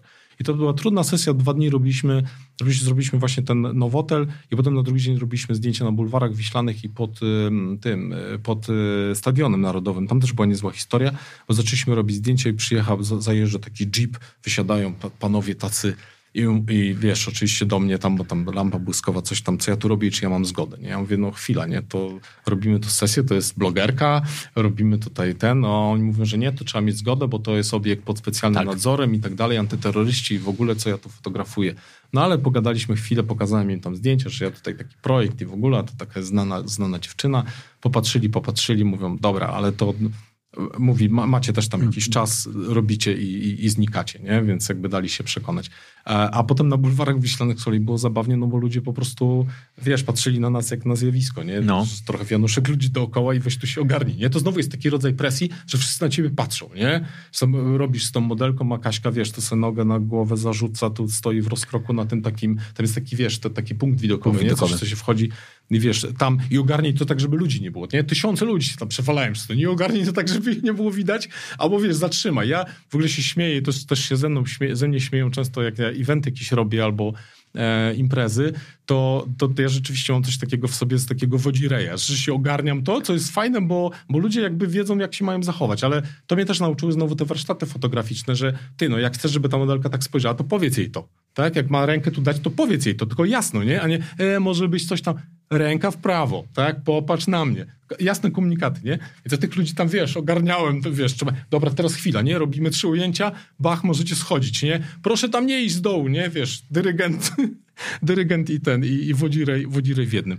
Super, to, to są niesamowite doświadczenia, nie? Generalnie takie bardzo wielowymiarowe, ja bym powiedział. Niby mówimy zdjęcia, nie? Zrobiliśmy, a tak naprawdę, tak naprawdę tam się dużo, dużo więcej ciekawych rzeczy y, działo. Pewnie jeszcze, pewnie jeszcze wrócimy nie raz. Wrócimy, nie? Dariusz jeszcze podsumowuje, że meandry to trochę na, na temat twojego projektu Wiślanego a. były ok, czyli podobały mu się. Dziękujemy bardzo Dzięki Dariuszu za uznanie. Dariusz też wskazuje, że Otwockie Piastów to też bordowa plama nawiązująca do smogu. O, tak, prawda. ja mieszkam w okolicach Otwocka. Tak, to jest w opór e, bordowa e, plama e, e, odpowiadanie Dariusz. Pytam, bo nie wiem ile się, e, ile i czego muszę podciągnąć. A, te, Dariusz to jest a, dokładnie to, to pytanie to, o, o te, te, to, te, Darkowi, to Darkowi mogę odpowiedzieć, bo akurat y, Darek to jest gość, który, to my się znamy dosyć długo, wiecie, po, po znajomości trochę, ale Darek kiedyś wziął ode mnie aparat na wakeboardzie i y, pyknął sesyjkę jakąś, jak ja pływałem i tam moja rodzina i to były naprawdę świetne zdjęcia. Więc Darek akurat ma oko. To, okay. co powinien podszkolić, to powinien podszkolić warsztat, kadrowanie i jakby ogarnąć technicznie aparat, co z nim robić, nie, Darek? A, Ale ja, iskrę masz. Ja ci ogarnę Naprawdę sprzęt. super, robi, jakby ma zmysł, Darek ma zmysł do zdjęcia, ale Darek jest też DJ-em, trochę niespełnionym, artystyczna dusza, więc to widać od razu w tych zdjęciach. Coś w tym jest, słuchajcie, ja mam taką e, koleżankę po, po, fotograficznym fachu, jest nas taka grupa fo, fotografów, e, która była skupiona e, na takich warsztatach u Tomka Tomaszewskiego reportażowych, Agnieszka Murak. E, to jest e, dla mnie przykład takiej, kurczę, skończonej do szpiku kości artystki, która może nie do końca ogarnia rzeczywistość, ona się nie obrazi o to, bo, bo ona wie, dobrze, nie jest typem menadżera, który sprzedaje i będzie robił na tym kasę, ale to jest taki typ artystki, która wyciąga komórkę, robi ci fotę i ty mówisz, o kurwa, wow. I, i, i nie wiesz tak do końca, jak, dlaczego ona tak to zrobiła, tak skadrowała, ale widzisz, że coś w tym jest. Że to jest sztuka. Nie? Ja, ja czuję, ja, ja patrzę na te zdjęcie i tam po prostu estetycznie jest coś, czego ja nie widzę w innych zdjęciach. I to jest coś, co trzeba po prostu w sobie mieć. I Darek akurat ma iskrę taką. O, no widzisz, to, to w takim razie ty masz, to, ty, ty masz tę, tę, tę iskrę. Ja ci tutaj chętnie, ponieważ znamy w, w, w kilku dystrybutorów sprzętu fotograficznego, to ci spokojnie załatwię no. E, sprzęt z e, zerowym rabatem, ale za to ja będę miał z tego dużą prowizję. E, Adam zadaje bardzo dobre pytanie. Czy postprodukcja zdjęcia nie jest trochę oszustwem, mhm. czyli wyciąganiem czegoś nieistniejącego? E, wiesz co, tutaj te, te, technicznie e, muszę powiedzieć, że nie jest, dlatego że matryca aparatu rejestruje miliony pikseli i miliony niuansów. Im lepsza matryca, większa rozdzielczość, nie mój aparat, to tam, ja nie wiem ile ma, ja nie przywiązuję wagi w ogóle do tego, tak? Natomiast jakby fotogra- to, jest, to jest tak, że fotografujesz i RAW zdjęcia to jest jak kamień tak? w którego Michał Anioł y, robi dzieło, tak? tylko to dzieło tam w środku jest I, i to wszystko jest na zdjęciu. Ja, ja nie robię żadnego fotomontażu. Znaczy, nie, dla jaj może coś tam kiedyś popełniłem, ale, ale generalnie Fejkiem jest fotomontaż, tak? To jest oszustwo. Natomiast wyciąganie ze zdjęcia to, co na nim jest, czyli nie wyciągnięcie cienia, wyciągnięcie, nie wiem, zgaszenie światła, podbicie kontrastu, e, lekka zmiana kolorów, czy, czy, czy intencjonalna zmiana kolorów, bo to zależy, e, to nie. To, to są normalne edycyjne, edycyjne rzeczy. To wszystko w tym zdjęciu jest. Jeżeli tego nie kolorujesz, nie wiem, nie wierzysz tam, nie wiem, w Photoshopie ołówka czy czegoś nie zaczynasz dodawać na tym zdjęciu, to cała reszta jest w zdjęciu. Mogę pokazać, mogę udowodnić, a to, że RAW oryginalny wygląda e, tak, a nie inaczej, a potem e, oryginał zdjęcia, no to oczywiście, że, że może się wydarzyć, o rany, co ty z, nim, z tym zrobiłeś, ale z reguły to są naprawdę proste czynności polegające na rozjaśnieniu, kontrastach i tak dalej, tylko trzeba wiedzieć, jak to umiejętnie zrobić. Ale, uwaga, jedna, jedna bardzo ważna rzecz, pytanie, ile czasu chcesz nad tym spędzać, tak, bo to ja, ja bym nawet zaryzykował, że yy, jakby możesz wziąć super aparat do rąk, pyknąć byle jakie coś i czasem niektórzy niestety tak robią, tak, że ja się nie, nie, będę jakby nikogo tutaj wytykał palcami, ale, ale, ale wiem, że tak czasem się dzieje, że przychodzi fotograf, nawet dobry na sesję, walnie tam tych zdjęć parę, hałtura, nazwisko jest się ogarnia, potem to trafia do retuszera i retuszer robi z tym cuda. Tak się na pewno zdarza. Ja mogę powiedzieć tylko w jaki sposób ja to robię. Ja mnie po tej szkole, szczególnie Tomka, jednego i drugiego, e, jakby na, na, nau, nauczono tego, że jak najlepsze zdjęcie wyciągam z samego aparatu. I mówię wam, że sesja zdjęciowa dziewczyn, tych, która to, to zrobiła to, to taką, taką ostatnią popularność, zajęła mi 2,5 godziny. Zrobienie zdjęć, sześć dziewczyn tam było, e, a potem jakby szukałem koloru przez chwilę, tam się musiałem za dwa dni przespać z tym, jak, znaczy ona była mroczna już od samego początku, bo to była w ogóle moja idea. Te, w głowie miałem jasno, jasne portrety na ciemnym tle. To była moja idea i tak były robione zdjęcia z takim sprzętem, z lampą, e, w, tam e, w bardzo głęboka głębia, wysoka głębia ostrości, żeby jakby zdjęcie było ciemne, lampa błyskająca bardzo z niewielkim natężeniem, oświetlająca tylko przód. To jest taki rodzaj techniki. Więc one już od razu były na wejściu mroczne. Ja tylko dosz, jakby doszukałem takiej kolorystyki, która mi najbardziej gdzieś tam e, odpowiadała, żeby podbić jeszcze to, to, tą brutalność, taką mroczność tych zdjęć. E, natomiast tam nic nie jest dorysowane, nic nie jest e, zrobione i naprawdę poświęciłem na nie jakąś bardzo minimalną ilość czasu. I tak się staram poświęcać. Teraz nie wiem, czy moja żona y, na, na, napisze coś na komentarzu, czy nie, ale w zasadzie wszystkie zdjęcia, które ona publikuje u siebie na blogu, możecie zobaczyć Simple Fresh Life, y, jej blog. To są zdjęcia, które słuchajcie, są prosto zrzucone z aparatu. Ja ich nawet nie dotknąłem w żadnym Photoshopie ani w niczym. I to, to zobaczycie, jak wyglądają, nie? Trzeba się, na, warto się nauczyć, żeby nie spędzać potem bardzo dużo czasu, nie? I żeby ktoś wam nie zarzucał na przykład takich rzeczy. Ale, ale to nie jest, to jest do, jakby nawet jak popatrzcie z strony takiej techniczno-formalnej, to na konkursach e, fotograficznych, tych takich najpoważniejszych, tak, typu WordPress Photo i tak dalej, e, rzeczy, które są niedopuszczalne, to jest manipulacja przy zdjęciu w sensie wymazywania czegoś, retuszowania, w, w, no, wymazywania, w, y, stempelkowania, tego typu rzeczy, to jest niedopuszczalne, czy tam do, dokładania jakichś elementów, to, to słynne afery, które, które były z, z paroma bardzo znanymi fotografami, gdzie retuszerzy się zapędzili, wymazując, nie wiem, tam znak drogowy, który wlazł w kadr, czy coś takiego, co świadczy o niedbałości fotografa po prostu przy budowaniu kadru. Natomiast generalnie wszystkie rzeczy dotyczące kontrastu, krzywych, e, tak zwanych leveli, czyli światła, cienie,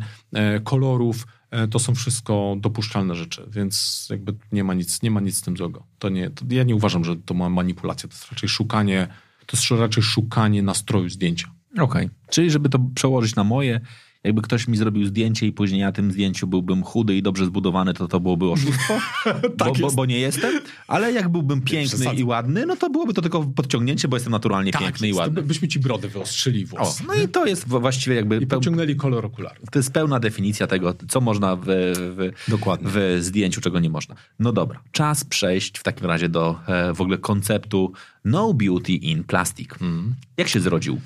Wiesz co, zrodził się, to znaczy, wiesz, wspomniałem o tym... Po smogu? Skąd, no. skąd po smogu plastik? No właśnie, wiesz co, e, jak, e, jak skończyliśmy te zdjęcia do smogowe z Kasią Złotkowską, to był luty.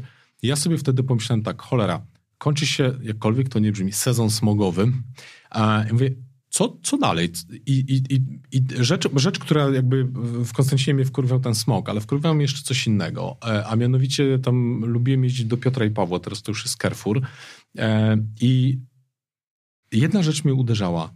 Tyle fajnych różnych produktów z całego świata I miałem wrażenie, że z wizyty na wizytę, jak wchodzę na warzywa i owoce, to coraz większy ocean plastiku zaczynam widzieć. I zacząłem się zastanawiać, kurwa, czy naprawdę musi być wszystko owinięte w ten plastik? Przecież ja przechodzę do domu i żywotność tej folii jest 20 sekund. Nawet nie chyba. Tak wszystko, wiesz, rozwijasz, wyrzucasz, nie? Jabłka, coś tam i tak dalej. Czyli po pierwsze to się zacząłem sam zastanawiać, czy ja na pewno muszę, kurczę, to kupować w tym plastiku. Zacząłem patrzeć, czy w ogóle mam wybór. I tak naprawdę, jak, jak mnie Mariusz Szczygieł na, na, na wystawie w koszykach zapytał, skąd się wziął, no to wziął się z wkurwu. Bo ja po prostu sobie myślałem, ja pierdolę, no chyba trzeba coś z tym zrobić. Może, kurde, ludzie tego nie dostrzegają. Mówię, że Moim- może... Ale moim zdaniem absolutnie nie. Znaczy ja uważam, że dokładnie jakby największym no właśnie. problemem jest to, że, że ludzie tego nie widzą. Więc wiesz, więc jak ja, ja pamiętam, jak gdzieś do śniadaniówki poszedłem i ktoś mnie zapytał, czemu, czemu, czemu te zdjęcia są takie ładne, a jednocześnie takie, y, takie jakby uderzające, gdzieś jest jakiś niepokój w nich, to to jest właśnie to, że nie jesteś w stanie wo- wobec tego przejść obojętnie, bo to przyciąga swój wzrok, patrzysz, d- chyba Harel Block też, y, d- d- z Wogami powiedziała, ty jak z daleka patrzyłem, to ja myślałem, że to jakaś sesja modowa, podchodzisz blisko, patrzysz, kurwa, folia. What the fuck, nie? I wiesz, jakby, jakby ja się cieszyłem strasznie z tego, że ktoś mówi, że to jest fajne i przyciąga oko, bo to właśnie o to chodziło, nie? Że jak przychodzisz, to o, okej, wow, o, o, o co chodzi, nie? Czemu ta, wiesz, baletnica, kurde, ma folię na sobie, nie? I, i zaczynasz jakby się zastanawiać, co, o, o- o co chodzi w temacie. E, Moja idea była taka, zawinę tych ludzi, którzy robią jakieś ciekawe, artystyczne rzeczy z ciałem plastik i pokażę ich trochę jak te warzywa i owoce. I tak powstała sesja z Weroniką Zarębą. Jedyna sesja oprócz licealistek, tej ostatniej, teraz sesji, która powstała w studiu, e, w Milk Studio w Warszawie. Mega po prostu odjechane, creepy miejsce w starych halach na Konstruktorskiej. Po prostu wow, super klimat, świetnie się tam fotografuje. E, jedno, z tam z kilku studiów w tym rejonie zlokalizowane na Mordorze. W każdym bądź razie wyobraź sobie, że to e, e, We- Weronika przyjechała z koleżanką i kolegą, bo przywiozła e, do tańca rurę. Ta rura to nie jest tak, że to jest, wiesz, takie łatwe, że sobie postawić, tylko tam są takie, takie trójkąty jakby, które są obciążnikami, więc człowieka, jak my to wtaskali, to a propos produkcji i przygotowania do zdjęć, jak my to wtaskaliśmy na drugie piętro, to po prostu myślałem, że zdjęcie zrobimy, nie? Bo to każdy taki fanwarze, nie wiem, z 40 kilo, nie? Rozstawiliśmy to, wbiliśmy tą rurę, E, Jak ja zobaczyłem, co ona tam na tym robi, jeszcze żeśmy ją tą folią zaczęli okrywać, tu oświetlać tak, tu tak, bo ja szukałem konceptu, bo nie wiedziałem w ogóle, ja w ogóle nie potrafiłem sobie jeszcze wtedy wyobrazić, jak ten materiał się w ogóle zachowuje. Zachow- W świetle, wiesz, jak, jak trochę, wiesz, zaczynasz nim wiać, coś tam poruszać.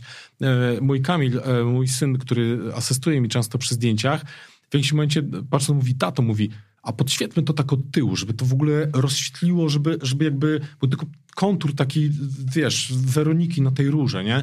I powstały chyba moje ulubione zdjęcia, które są, które właśnie są takie, no na pewno kojarzycie, e, wygląda Monik, e, Weronika jak taki embrion zawieszony w tej plastikowym takim, nie wiadomo, w wodzie płodowej, czy kurczę, nie wiem jak to teraz nazwać i słynne zdjęcie, gdzie tak. Weronika e, krzyczy, to też jest właśnie zrobione w takim oświetleniu, że świecimy lampami z tyłu, jakby rozświetlamy bardzo mocno, a tutaj ona jest trochę za, zacieniona, odbija się trochę światło gdzieś tam od, od, od szyby, bo, bo tam jest naturalne światło w tym studiu też e, i, i, i powstały, powstały te zdjęcia, ale tam było bardzo dużo eksperymentu. Powiem ci, że jakby miałem koncept w sensie zawinięcia jej w tą folię, ale było bardzo dużo eksperymentowania i to jest coś, co ja po prostu kocham. Znaczy w sensie, że wiesz, że rzeczy dzieją się, dzieją się trochę na żywo, nie? Tak jakbyś malował obraz i, i po prostu... I przy...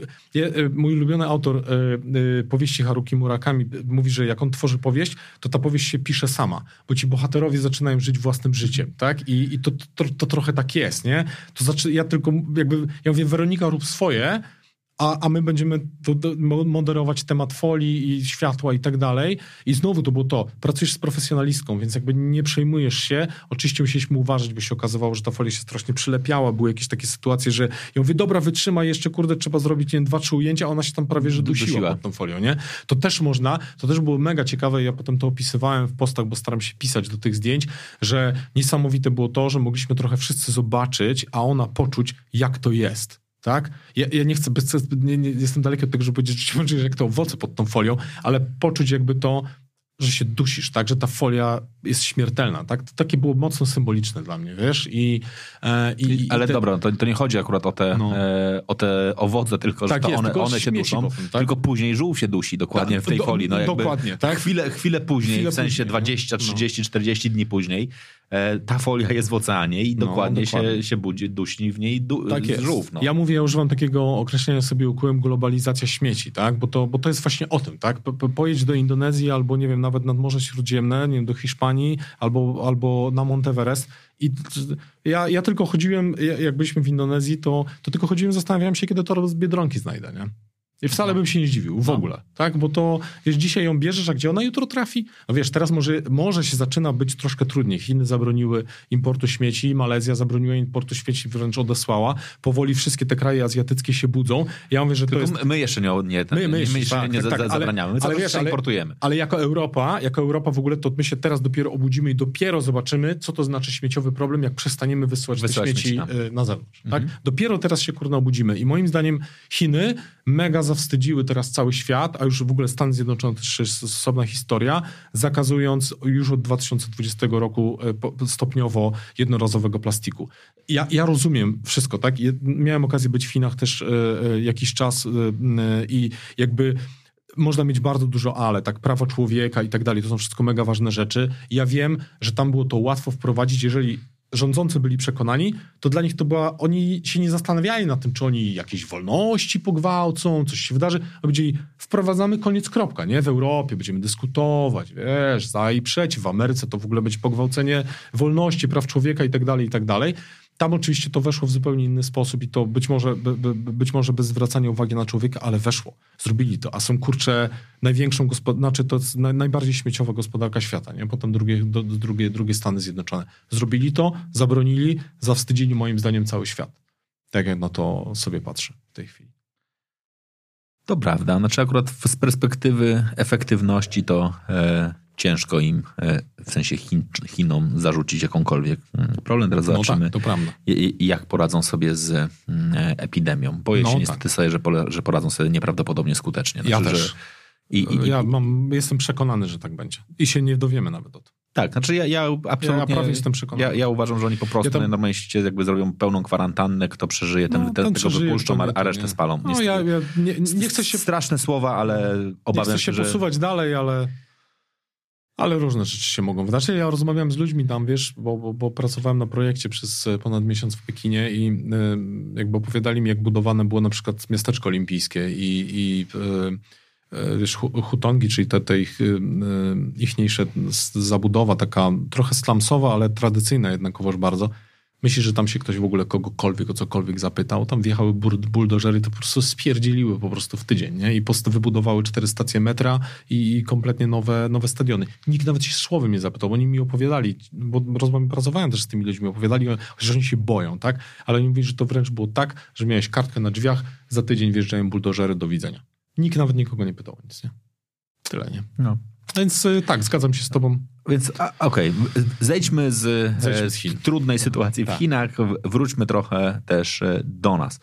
Ty w ogóle w ramach swojej działalności e, aktywizacyjnej czy Aktywistyczny? aktywistycznej, nie wiem jak, jak, jak ją No właśnie, określić, też nie. No, e, bycia aktywistą, e, bardzo dużo prowadzisz edukacji w ogóle, czym jest jednorazowe opakowanie. Mm.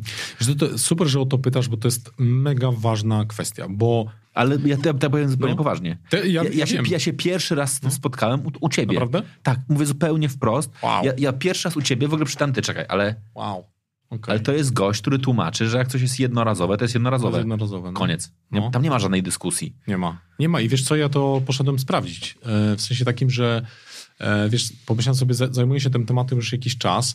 E, Coś tam wiem, ale, ale ta dyskusja, szczególnie pod tym jednym z postów z tymi licealistkami, jakby sprowokowała mnie, żeby rzeczywiście pójść i zapytać takiego eksperta, eksperta. I z polecenia trafiłem do e, Instytutu Opako- e, to, to jest Instytut Ekologii Opakowań. Oni przez nich przechodzi certyfikacja opakowań spożywczych, tak? Czyli jak będziesz chciał, nie wiem, wprowadzić e, jabłka jakieś tam i je zapakować, coś tam musisz pójść do nich, oni to muszą zbadać e, i, i jakby do, dobiorą ci na przykład do tego rodzaju produktu folię i to wtedy zapakujesz, dostaniesz certyfikację, będziesz mógł to sprzedawać, tak? Bo jak cię złapią bez tego, no to tam są jakieś jaja i kary. I, i, i te, Konrad Nowakowski, którego pozdrawiam, naprawdę mega mi e, parę fajnych rzeczy rozświetlił. Między innymi właśnie jedna z takich rzeczy, która mi, e, która mi rozświetlił, to jest jednorazowość opakowań, bo ja, ja tutaj ma, małą dygresję tylko zrobię, że słuchajcie, ja i to będę powtarzał to do znudzenia, bo to wraca w mniej lub bardziej hejtersko-złośliwych komentarzach,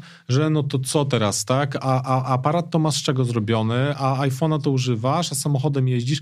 Słuchajcie, ja nie mówię w tym projekcie, cofnijmy się do epoki kamienia łupanego. Ja nie mówię, wyrzućmy teraz telefony, nie wiem, gazety, ten mikrofon, iPada i tak dalej, e, tylko dlatego, że są zrobione z plastiku. Ja mówię o tym, że zauważmy świadomie, że jest całe mnóstwo plastiku, którego w ogóle nie musimy używać i, którego, i którym nie musimy śmiecić. To jest plastik jednorazowy. Plastik, który z definicji używasz raz i nie ma, i nie ma jakby atestu ani certyfikacji do tego, żeby użyć go powtórnie. Tak? I, I, dlatego to podkreślam cały czas, bo, bo, mi, bo mi zarzucają, no to zrezygnuj z tych wszystkich rzeczy. Ale ja nie widzę powodu, żeby z tego rezygnować, bo to jest coś, co używasz jakiś czas i to nie, nie staje się śmieciem. Wręcz, nie wiem, iPada sprzedajesz, ja nie wiem, ja, ja sprzedawałem różne rzeczy i one znajdują kolejnych nabywców hmm. i cały czas żyją, nikt tego nie wyrzuca. Ja wiem, że część świeci elektronicznych się wyrzuca i to też jest problem i tak dalej. Tylko popatrzcie, co my z tym problemem zrobimy? Co zrezygnujemy z używania tego? Nie. A z reklamówki w sklepie możesz zrezygnować i nic się nie stanie. No dobra. Tylko to jest kwestia twojej świadomości. I, I ja, wracając i, do... I ja wrócę do narracji pod tytułem no ale przecież reklamówka ze sklepu wcale nie musi być jednorazowa, bo ja sobie A, mogę ją wielokrotnie no tak. używać. Tak. Ja mogę sobie do niej zapakować, nie wiem, mięso, które zamrożę w mhm. lodówce, mm czy w zamrażarniku, albo nie wiem, będę nosił kanapki do szkoły. Jeden, jeden z mitów. E, e, dokładnie tak jest, że dane opakowanie jest certyfikowane do danego produktu i na przykład butelka PET, która jest do wody, nie może być używana do Coca-Coli albo do piwa, albo do czegoś tam jeszcze innego, tak? Pół biedy, jak sobie do tej butelki, nie wiem, wlejemy wodę do kwiatku i będziemy kwiatki podlewać, to jest pół biedy, tak? Ale jak będziemy chcieli w tej butelce nosić ileś razy ją napełniać i nosić to jak bidon, to to nie ma takiej certyfikacji. Zauważcie, zresztą spróbujcie zrobić taki eksperyment sami, chyba się nic nikomu nie stanie. Ona, Przez tydzień ona zaczyna śmierdzieć. Zaczyna śmierdzieć, a później się robi no, kolorowa. No, dokładnie, tak? To pokazuje, że to jest w ogóle niesamowite, służy. ale jak no. teraz, jak, jak, znaczy ja mówię wprost, znaczy, bo ja kiedyś miałem tę dyskusję dokładnie na temat, z moim kolegą mm. na temat butelek wielorazowych, mm. tak? I powiedziałeś, o kurwa Wojtek, ale jesteś eko, no. kupujesz tutaj bardzo e, trendy butelki, biegasz sobie z nimi, a tak naprawdę równie dobrze mógłbyś sobie kupić na łęczowiankę, czy też dobra, no zejdźmy z marki dowolną no wodę w plastikowej tak. butelce i ją uzupełniać. I byś no sobie lał tą samą kranówkę, którą lejesz sobie tutaj mhm. i miałbyś fantastyczną wodę. Nie, to tak nie działa. Te butelki są atestowane do wielorazowego użycia. Zresztą w ogóle metalowe uważam, że są najlepsze, bo też różnych używałem. Wielorazowe po prostu nie śmierdzą, nie zabrudzają się, tak nie osadza się to wszystko, więc jakiś sens w, tym, sens w tym jest. Wracając do tych jednorazówek, to to, co mi Konrad powiedział w, na tym spotkaniu, e, ten szef Instytutu ekologii opakowań, że na przykład jednorazówka, do której pakujemy mięso i wkładamy je do zamrażalki, to robimy to tylko i wyłącznie na własną odpowiedzialność, bo to jakby nie wiadomo, co tam e, zachodzi, tak, jaki proces, tak. Jeszcze pakowanie śniadania to jeszcze pewnie jest najmniejszy jakiś tam grzech. Ja też na przykład jak nawet papierowe torebki, to moje dzieci się ze mnie śmieją, że przynoszę chleb papierowy, papierowej torebce, a potem przez bardzo długi czas, póki się tam nie, nie podrze, staramy się tego nie robić, dzieci noszą w tym śniadanie do szkoły, tak. Natomiast... Y, b, b, szukanie obrony w tym, że tą jednorazówkę wykorzystamy jeszcze ileś razy, to nie jest tędy w ogóle droga, bo one nie są do tego certyfikowane, nie są do tego przeznaczone, można sobie zrobić krzywdę. Tak? Dla przykładu, nie wiem, no jakbyś wziął, nie wiem, karnister, który jest tam, nie wiem, coś tam było i to jest certyfikowane, nie wiem, do mleka i nie wiem, wlał tam chemię jakąś i to ci się rozpuści i rozleje, to jest twoja wina tylko i wyłącznie, tak? To możesz, można sobie zrobić krzywdę i to mi też Konrad uświadomił ja nie chcę jakby nikogo straszyć, nie? tylko uświadamiam pewnego rodzaju fakt, tak? E, że, że, że, że to jest tak, a nie inaczej certyfikowane. Tak samo te wszystkie, te wszystkie folie, którymi to jest zawijane. No wiesz, ja, ja nie wiem, no, ja oczywiście staram się tego nie robić, ale nawet jak tego ogórka w tym kondomie przykupowałem, z reguły ta folia no, trafiała do śmietnika, a nie do segregacji, tak? I myślę, że bardzo wiele ludzi tak to, tak to postrzega, tak? Kto tam się zajmuje, wiesz, nie wiem, kto na przykład z tej słynnej torebki z okienkiem wyrywa tą folię i osobno to rozdziela. Myślę, że 80% ludzi tego nie robi, tak? To pewnie takie friki jak ja, chociaż staram się nie brać w ogóle tego, tak? Więc y, y, jakby drugą, kolejną sprawą jest opłacalność recyklingu, foliówek i tych wszystkich, bo dyskusję miałem na przykład pod postem e, pod tytułem takim, że ty no, e, stary, ale przecież ta, to jest tam 0,5% wagi w ogóle tego ogórka, a przetworzenie tej folii to jest jakiś tam niewielki wydatek energetyczny i tak dalej. Super. Tylko czy ktoś sobie zadał pytanie, czy to na pewno jest przetwarzane, z czego to jest i w jaki sposób to jest segregowane i przetwarzane? Ja się dowiedziałem na, na spotkaniu w instytucie, że większość z tych folii w ogóle nie jest przetwarzana w tej chwili w Polsce. Wiecie dlaczego? Ano dlatego, że się to po prostu nie opłaca. Nie opłaca. Dlatego, że masa tego musiałaby być strasznie duża, żeby się opłacało budować sortownię najpierw, a potem przetwórnię tego, bo, bo mu, musi być, no wyobraźcie sobie, że musi być 100, 100 kg takich woreczków.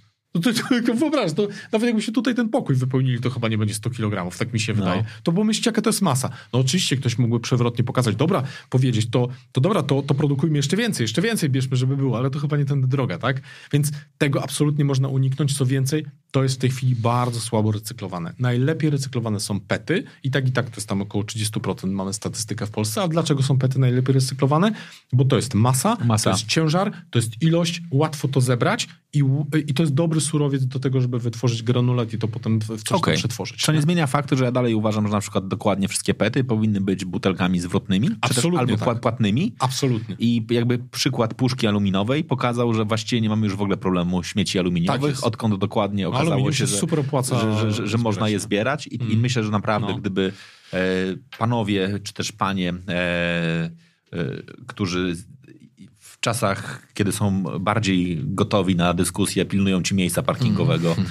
a tak. kiedy mają moment jednak, że będą zbieraczami, mieliby okazję mm. również pozbierać wszystkie plastikowe butelki, bo mogliby je oddać do skupu i zarobić tak samo jak no. na na aluminium, to myślę sobie, że to też by jakby bardzo mocno rozwiązało problem sortowni, no bo oni by Absolutnie. naprawdę zrobili perfekcyjną, robotę, nie? bardzo dobrą sortownię. Absolutnie. Dobra, e, Dariusz e, trochę zadaje pytanie, no dobra, a czy w kontekście smogu i flary folia trochę nie zabija spójności? A właśnie, bardzo fajnie, że to, że to jest. To pytanie też padło już ileś razy, ja, się, ja ileś razy to też tłumaczyłem. Tutaj temat jest taki, że przede wszystkim muszę powiedzieć, że zanim zrobiłem pierwsze zdjęcie z Weroniką, pierwsze z folią, to napisałem do do dobrych kilku e, producentów folii, takich, wiesz, na metry w ogóle jakichś zakładów chemicznych. Od, wszyscy mi olali generalnie.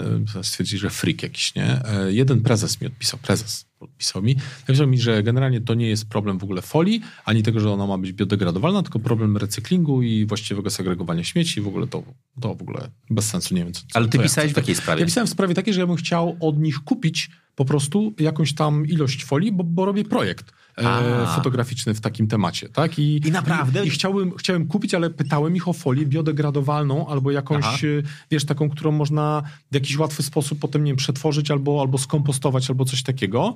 E, I generalnie to mnie, mówię, no, no ja napisałem do siedmiu, może ośmiu takich firm, e, całkiem niemałych, no to, to wszyscy mnie olali. Jeden prezes mi odpisał, że to nie jest, że oni nie produkują takiej folii, e, ale to w ogóle nie jest o produkcji takiej folii, tylko o o recyklingu. Poszedłem więc do sklepów, tak? Typu mhm. tam Bricoman, Leroy i tak dalej, i tak dalej. Obszedłem te wszystkie sklepy. Panie były zachwycone, że o to pytam. Powiedział, że pytał o to bardzo wielu klientów, że to jest nisza, ale nie ma takiego asortymentu. Naprawdę? Naprawdę. Albo to jest ciekawe, bo właściwie faktycznie można na wiele rzeczy mówić, ale na koniec dnia, nie wiem, folia, folia malarska jest bardzo ciężko zastępowalna, no. szczególnie w czasach, kiedy mimo wszystko za sprawą tabletów i elektroniki no czytamy coraz mniej gazet, tak? Znaczy, no, dokładnie. Kiedyś, bo, jak robiłeś no. malowanie pokoju, to no. po prostu sobie brałeś, ja pochodzę z miasta, więc brałeś sobie Głos Wybrzeża i Dziennik Bałtycki. I wyścielałeś. I wyścielałeś sobie po kolei ten e, cały pokój. No i później nagle nad, nad, nadszedł radosny rok 89 i okazało się, że pojawiły się w Polsce możliwości przy, tak. przykrycia całego pokoju już nie gazetami, mhm. e, tylko folią malarską ale dzisiaj jestem w stanie sobie wyobrazić, że dalej bym chciał mieć taką folię, mm. tylko żeby ona była faktycznie biodegradowalna, przykład, łatwo rozpo... ten, no. mógłbym ją sobie, nie wiem, wrzucić do, do, do, do wiadra, tak. zamieszać, zamieszać, zamieszać, by się rozpuściła i bym ją wylał. No. Byłoby super, ale wiesz co można zrobić, bo to ja przetestowałem e, pakując w to obrazy swoje, e, to kupiłem, można kupić belę takiego cienkiego kartonu e, który okay. jest taki giętki. Tym można też wyścielić. To powiem ci, że wbrew pozorom, mimo że nie wygląda, jest bardzo wytrzymały, bo ja tak zrobiłem takie case'y na swoje obrazy. E, żeby je jakby nie przewozić w jakieś tam, nie, nie zawijać je w folię na przykład, nie? Więc jakby da, da, da się to wymyśleć. Ale wracając do tego, do, do pytania Darka, e, więc jakby nie miałem wyjścia, tak? Chcąc zrobić i pokazać tą folię, musiałem kupić tą folię. Ale jeszcze raz powtarzam, zrobiłem to z rozmysłem, wiedziałem do czego chcę ją używać i e, folia na przykład, którą używaliśmy w studio, w, w Milk Studio, została w Milk Studio i jest używana tam do malowania. Okej. Bo oni bardzo często cykloramy, cyklorama to jest Tak takie jest. Tło takie białe, nie? To się tam maluje co dwa tygodnie, więc oni od razu wyszli w ogóle z inicjatywą, ty stary, no to zostaw nam tą folię, nie? E, e, my, my, ją, my ją spożytkujemy, więc ja otwarcie i jakby z przybicą tutaj otwarto mówię, ja nie wymyśliłem sposobu na to, żeby ją zrecyklować albo jakiegoś cudownego sposobu, że ona znikła i nie zaśmieciła środowiska. Nie. Ale zrobiłem to z jakąś świadomością, z jakimś żalem i spróbowałem za wszelką cenę znaleźć jej jakieś drugie życie i to się, to się super udało. Jeżeli chodzi o folie pozostałe używane, to powiem ci, że ja do tej pory w zasadzie mam sporo, to co, mo- moja żona mnie tutaj zaraz przechrzci, no bo zajmuje piwnicę, ale ja po prostu je mam w piwnicy będzie, będą do malowania, do czegoś, tak? Ja po prostu, wiesz, użyłem do zdjęć, używałem do kolejnych, do kolejnych. Jedyne, które wyrzuciliśmy do recyklingu, to było te, które w basenie e, zamoczyliśmy, bo one się już do niczego nie nadawały. A tak to całe, wszystkie Nie no, pozostałe... ją wysuszyć na pewno jeszcze. No pewnie tak, no. pewnie tak, ale a wszystkie pozostałe mam w domu w, w torbie i po prostu czekają na y, albo na, na, na remont, albo na jakieś kolejne. Więc jak ktoś ma potrzebę taką i chciałby dostać folię malarską za free, służę, mogę dać. O, i to jest bardzo dobra też e, historia, trochę w komentarzu do tej audycji. Pamiętajcie, jeżeli potrzebujecie trochę folii malarskiej, to Proszę bardzo. jest okazja nadania jej second life i, e, i użycia jej w innym e, doskonałym e, celu. Wróćmy trochę jednakże do folii spożywczej, e, wykorzystywanej przez różne e, koncerny spożywcze. Po co? Po co jest folia w ogóle w takim razie? Bo to jest ciekawe, bo znowu, znaczy, trochę znam odpowiedź, bo śledzę twoje posty, Tak. ale jakby, jak zacząłeś sobie to analizować, to właściwie ty powiedziałeś o tym, że nie wiem, na, na ogórku jest folia, ale to nie jest tylko na ogórku. Właściwie dzisiaj jakbyśmy sobie spoj- spojrzeli, E, co drugie, wa- co drugie o- Nie mam telefonu, warzywa- poszedłem, słuchaj, poszedłem tutaj do Carrefoura, nie? No. Na, to co to jest za ulica ta kolejna? na, na, na, na, No na, tej, na francuskiej. No. Na francuskiej, nie? Człowieku, zrobiłem, z- zrobiłem 10 zdjęć, na 8 jest, są zafoliowane warzywa i pierwszy raz takie widziałem. Pierwszy raz widziałem, słuchajcie, obraną cebulę w folii. Tak. Mam mać. Po prostu tym, no myślałem, że mnie tam szlak trafi, nie? E, i, I kalafior. Umyty, obrany kalafior. Pierwszy raz w ogóle widziałem kalafiora, w, y, kalaf, bo brokuły zwykle są. Kalafiora z reguły nie ma. Tu jest chyba kalafior w folii. I mandarynki w folii. Chyba pierwszy raz widziałem. Jeszcze wiesz, tam w tych siateczkach czasem są, nie? No. Ale pierwszy raz chyba widziałem na tacce mandarynki zapakowane w folii. Szkoda, że nie obrane były jeszcze. No wiesz, jak się wkurwić po prostu na coś takiego, nie? I teraz odpowiadając już na twoje pytanie. Są dwa rodzaje. Jestem wyedukowany. Jest y, folia barierowa, czyli folia taka, którą na przykład używasz do pakowania próżniowego, nie wiem, mięsa, sera, e, e, nie wiem, po, po, pokrojone kiełbasy, e, cukierków i tak dalej. To jest folia, która ma jakby nie da się jej zastąpić, bo ona musi chronić to, co jest w środku, nie przepuszczając bakterii, wilgoci, e, wszelkiego rodzaju czynników z zewnątrz. Jakby trudno, oczywiście do mnie ludzie piszą, ty stary, no idź sobie, nie wiem, na mięso albo na słodycze, zobacz, ile tam jest plastiku. Super, tylko szczerze, nie mamy alternatywy dla Nie no, mamy, czekaj, Może- czekaj, czekaj. no, ja, no- je, ja jeszcze na przykład... nie, no możesz pójść i kupić oczywiście mięso Krojone. Wiesz, krojone dokładnie nie? I, tak, znaczy- tylko uwaga, musisz poprosić, żeby ci do papiera zapakowali albo A- twojego pakowania. Albo do mojego kwestia. Znaczy ja mogę powiedzieć, że To tak. mieszkam, w, znaczy mam to szczęście, że koło mnie są jedne z ostatnich jeszcze cały czas funkcjonujących del- delikatesów, Mhm. w których jest przepiękne, duże stoisko wędliniarsko-mięsne. E, ono jest straszne z perspektywy czasu, No tak? bo tak. tam faktycznie po prostu przyjeżdżasz i stoisz w kolejce po to, żeby kupić wędlinę 15 minut i po prostu musisz, musisz, No, z musisz ocać, Znaczy musisz tak. ocać, to nie jest tak, że podchodzisz No, sobie do jasne. półki i mają bardzo dużą strefę z serami, ale to jest dokładnie miejsce, jeżeli masz swoje pojemniki, e, Super. spokojnie sobie przychodzisz, Super. panie są już naprawdę... Jak zaczynałem z nimi dyskusję pod tytułem pakujcie mi do pojemników, a to Mhm. było jakiś czas temu, e, to było to upierdliwe. Mhm. Dzisiaj Teraz absolutnie nie, nie ma, no. nie ma w ogóle problemu. Nawet, wiesz, s- są gotowe z perspektywy wędliny No. spokojnie włożyć kilka rodzajów wędlin do tego samego Tylko pudełka. chwalić, słuchaj, nie? nakleić trzy kartki z No. kodami kreskowymi e, dalej. No. W ogóle super. Pod tym względem ten, ale dokładnie to no, jednakże to nie jest, a po pierwsze najwygodniejsze, Mhm. Bo to ta 15 Nie jest szybkie. nie jest szybkie, 15 minut Mhm. jakby to- to jest i ma, masz pokusę tego, Tak, żeby pójścia i drapnięcia, wiesz, zapakowanego, pójść, nie? pójść dokładnie na, na wielką e, tą chłodnię, gdzie, są, No. do, gdzie stoją w małych opakowaniach. I tam faktycznie rozumiem, ty jakby, nie, nie, te, ta- to, się nazywa, fo, to się nazywa to folia jest, barier, to jest barierowa funkcja barierowa folii, fo- tak? funkcja I, i, i, plastiku, nie, nie, nie ma innej. Nie, nie ma innej, bo ja pytałem e, ludzi w instytucie właśnie o to, czy jaką widzą jakby perspektywę, nie wiem, na przykład dla jogurtów, tak? Aha. Albo właśnie dla pakowania, nie wiem, mięsa próżniowo, czy tam e, e, jakichś produktów typu sery, czy nawet słodycze, tak? Które Mhm. są wszystkie w foliówkę. Oczywiście absurdem jest to, że masz, nie wiem, 20 cukierków i każdy cukierek jest jeszcze w folii. To, to Jeszcze- jest jakiś absurd po prostu, e, który jest producencko absurdalny, tak? I nie powinniśmy kupować po prostu czegoś takiego. Trzeba by zbanować takie rzeczy. Ale jakby, żeby zachować e, właściwości tych produktów, to na razie nie ma na horyzoncie alternatywy. Więc trzeba się uzbroić w cierpliwość, wierzyć w innowacje i że być może ona przyjdzie. Ale w tej chwili nawet ściema pod tytułem, że ona się jest zapakowany w papier, to jest nieprawda, bo w środku jest cieniutka folia. Okej. Bo nie da się po prostu w papier jakby tak w taki sposób, żeby to, wiesz, przez d- 20 dni, czy, czy nawet czasem ileś tam y, tygodni ważności, więc jakby tu dostałem zapewnienie, nie ma takich po prostu materiałów na ten moment, które by się, by się y, do tego nadawały. Można oczywiście plastik, y, y, można, mo, można uzyskać tworzywo sztuczne, czy też polimery, tak, fachowo w ogóle chemicznie. Mój syn pewnie jest ze mnie dumny, y, bo jest che- chemikiem prawie, że już. Y, można uzyskać z różnych źródeł, tak? Y, be- będzie oczywiście dużo bardziej emisyjny polimer uzyskany z ropy naftowej, dużo mniej emisyjny z kukurydzy albo z trzciny cukrowej, ale okazuje się, i to mnie zaskoczyło mega, tak?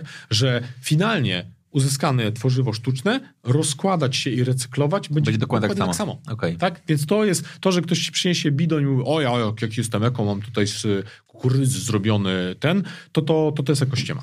Nie? To, to znaczy, w sensie okej, nie? W bilansie jest y, w porządku, bo wyprodukowanie tego może było mniej emisyjne niż z ropy naftowej, ale jakby w sensie tego, że to będzie śmieć, to to będzie śmieć, który tak samo się będzie długo rozkładał e, jak normalny, normalny plastik z ropy e, pochodzący. I teraz wracając do, e, z powrotem do pytania, bo za, meander ma, mały zrobiliśmy, to to jest ta funkcja barierowa i jakby podsumowując tylko walczenie z tymi produktami, które muszą być taką folię zapakowane, trochę w tej chwili nie ma sensu. Bo to jest taka trochę ściema, że o nie walczysz z tym, walczysz, walczysz tylko z tym jednorazowym jakimiś tam reklamówkami, to co to zmieni? Ja mówię, ty, no jak weźmiesz sobie, że to jest 100 i z 80 się nie da walczyć, ale z 20 się, się da, to chyba lepiej 20 zwalczyć niż 0, nie?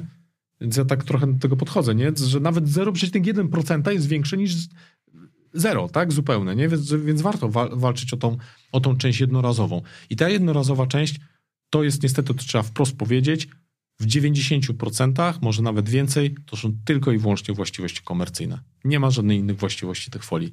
E, ogórek jest takim przypadkiem, że rzeczywiście są badania, prace naukowe, normalnie opublikowane, twarde prace naukowe, mówiące, że ogórek zapakowany w folię to też jest specjalny rodzaj folii, która jest porowata, tylko nie widzimy tego de facto, bo te, te pory są drobne.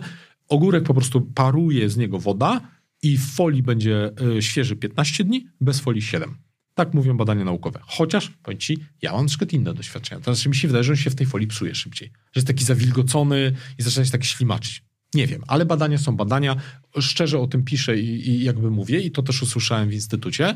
Natomiast cała reszta to jest tylko i wyłącznie komercja. Komercja polegająca na prostej rzeczy. No cóż, gdybyś chciał być sklepem, to wolałbyś naraz sprzedać cztery jabłka czy jedno jabłko? Wolałbym sprzedać cztery jabłka. No właśnie, czy wolałbyś e, sprzedać, wiesz, siat, e, siatkę włoszczyzny, czy jedną marchewkę, jedną pietruszkę? No, siatkę.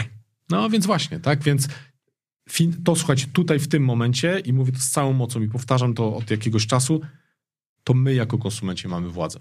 Jedną, jedyną i skończoną. To my tu jesteśmy szefami.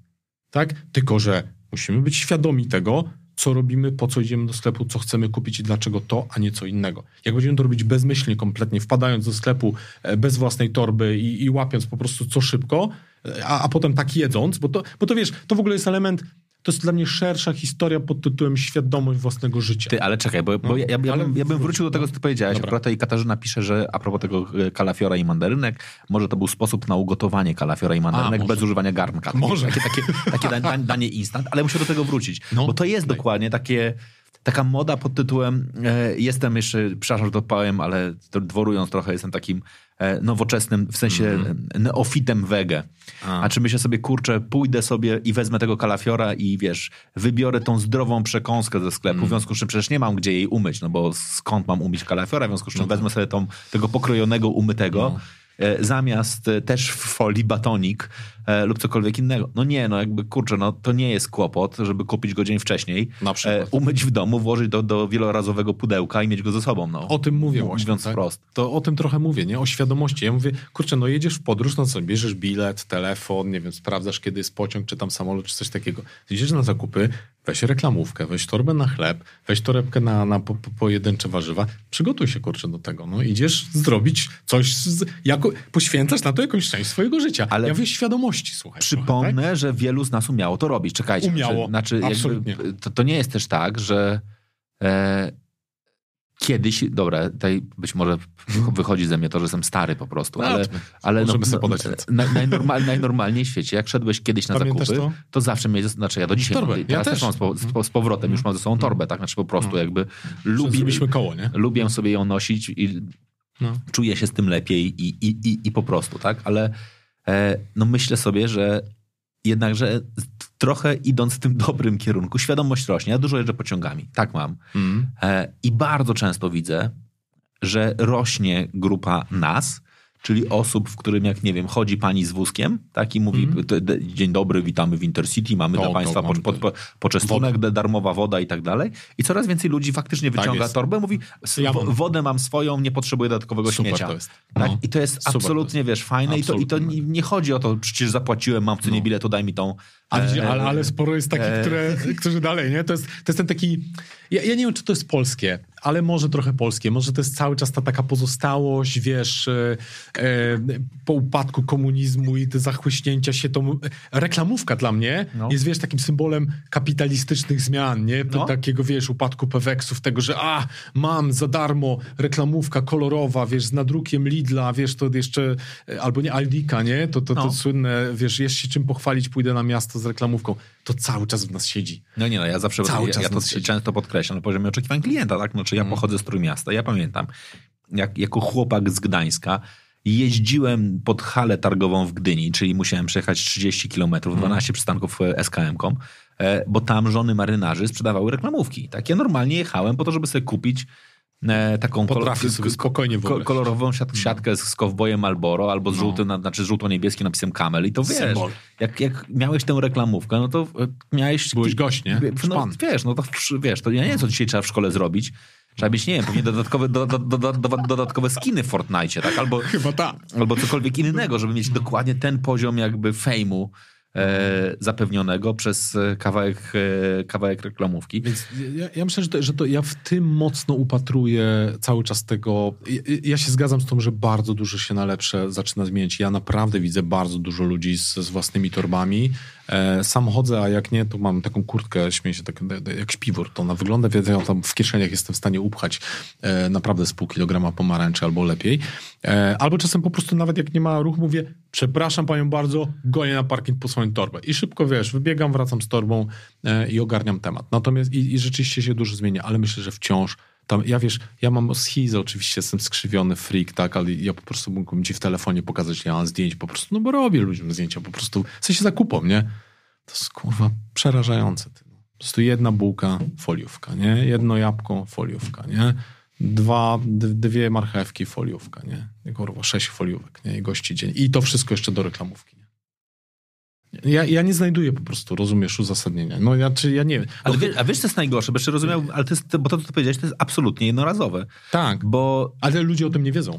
ale nie, bo przy, przyniesiesz to do domu, przepraszam, No. pierwszą rzecz, którą zrobisz w domu, to to rozpakujesz z tego. No Tak. przecież jakby ta marchewka Tak trzymana jest. w tej folii, Tak to jest, się po prostu absolutnie. zginie, zgnie ci w trzy minuty, no więc no, absolutnie. musisz ją z tego wyjąć. Tak? Zajmujesz się.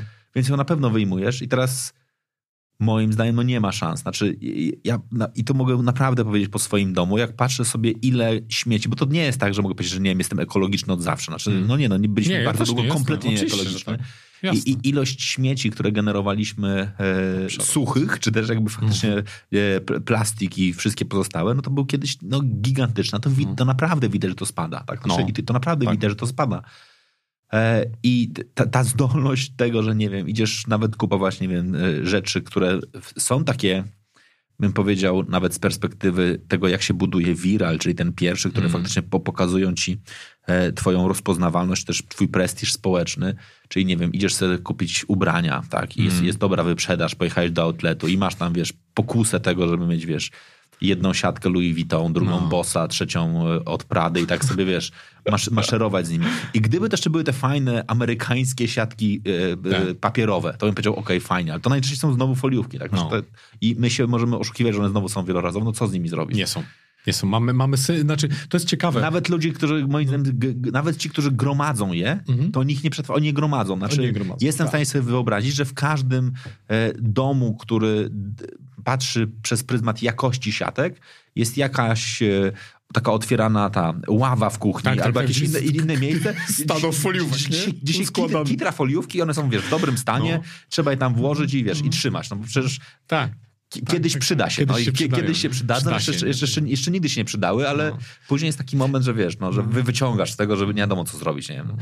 Ja nie pamiętam, jak się nazywał ten Szwed, który wynalazł torbę foliową, ale czytałem niedawno artykuł o tym, że gość naprawdę miał kurczę super pomysł, bo on y, chciał wynaleźć, y, jakby chciał stworzyć coś, co będzie wielorazowe w zamyśle, bardzo lekkie, takie, że będzie można to do kieszeni i, jakby cienkie, że będzie to można do kieszeni wchodzić. I on podobno do starych lat swoich chodził z jedną i tą samą torbą od nastu lat te, foliową, nie? Ale w Polsce to się przeraziło chyba przez ten właśnie tą, tą kapitalistyczną całą przemianę i ten szpan i, i te rzeczy takie związane z wyobrażeniem, że jestem tutaj, wiesz, bogaty i, ma, i szpanuję sobie tą, tą, tą foliówką, jestem gość, to, to, to jakby przybrało jakiś taki hybrydowy, kuriozalny rozmiar tego, że gromadzimy te foliówki albo po prostu je bierzemy, bo są za darmo i to jest festiwal po prostu taki, wiesz, takiego kupowania, bo brania, bo jest za darmo, nie? No, ja to, to, to, ja często podkreślam, E, w czasach, kiedy IKEA e, wycofywała się z darmowych siatek, mm. byli wtedy akurat naszym klientem, więc miałem dostęp do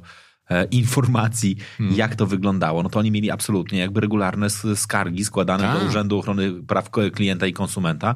Jak to jest, że kupuje e, swój wieszak i nie dostaje 15 darmowych siatek? Znaczy ludzie tam naprawdę chodzili po to, żeby kupić no. sobie jedną mydelniczkę, po czym nabrać. Też te tak miała, miała takie duże siatki, tak, więc tak, tam można, pamiętam, było, pamiętam. można było sobie ich nabrać całkiem sporo, więc tam wiesz. I, i dlatego, wiesz... Wiele to... osób jeszcze w, tym, w, w, w, tej ławie w domu na pewno macie na pewno tam ma. skitrane, o, skitrane, skitrane na, na, na spodzie, na kilka dobrych siatek z Ikea.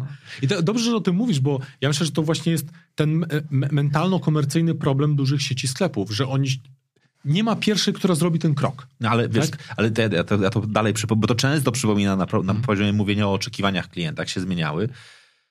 Po tym, jak IKEA wycofała się z darmowych siatek, zaraz po nich się wycofał Auchan i Carrefour i ostatnia sieć, która została z darmowymi siatkami, to było Tesco.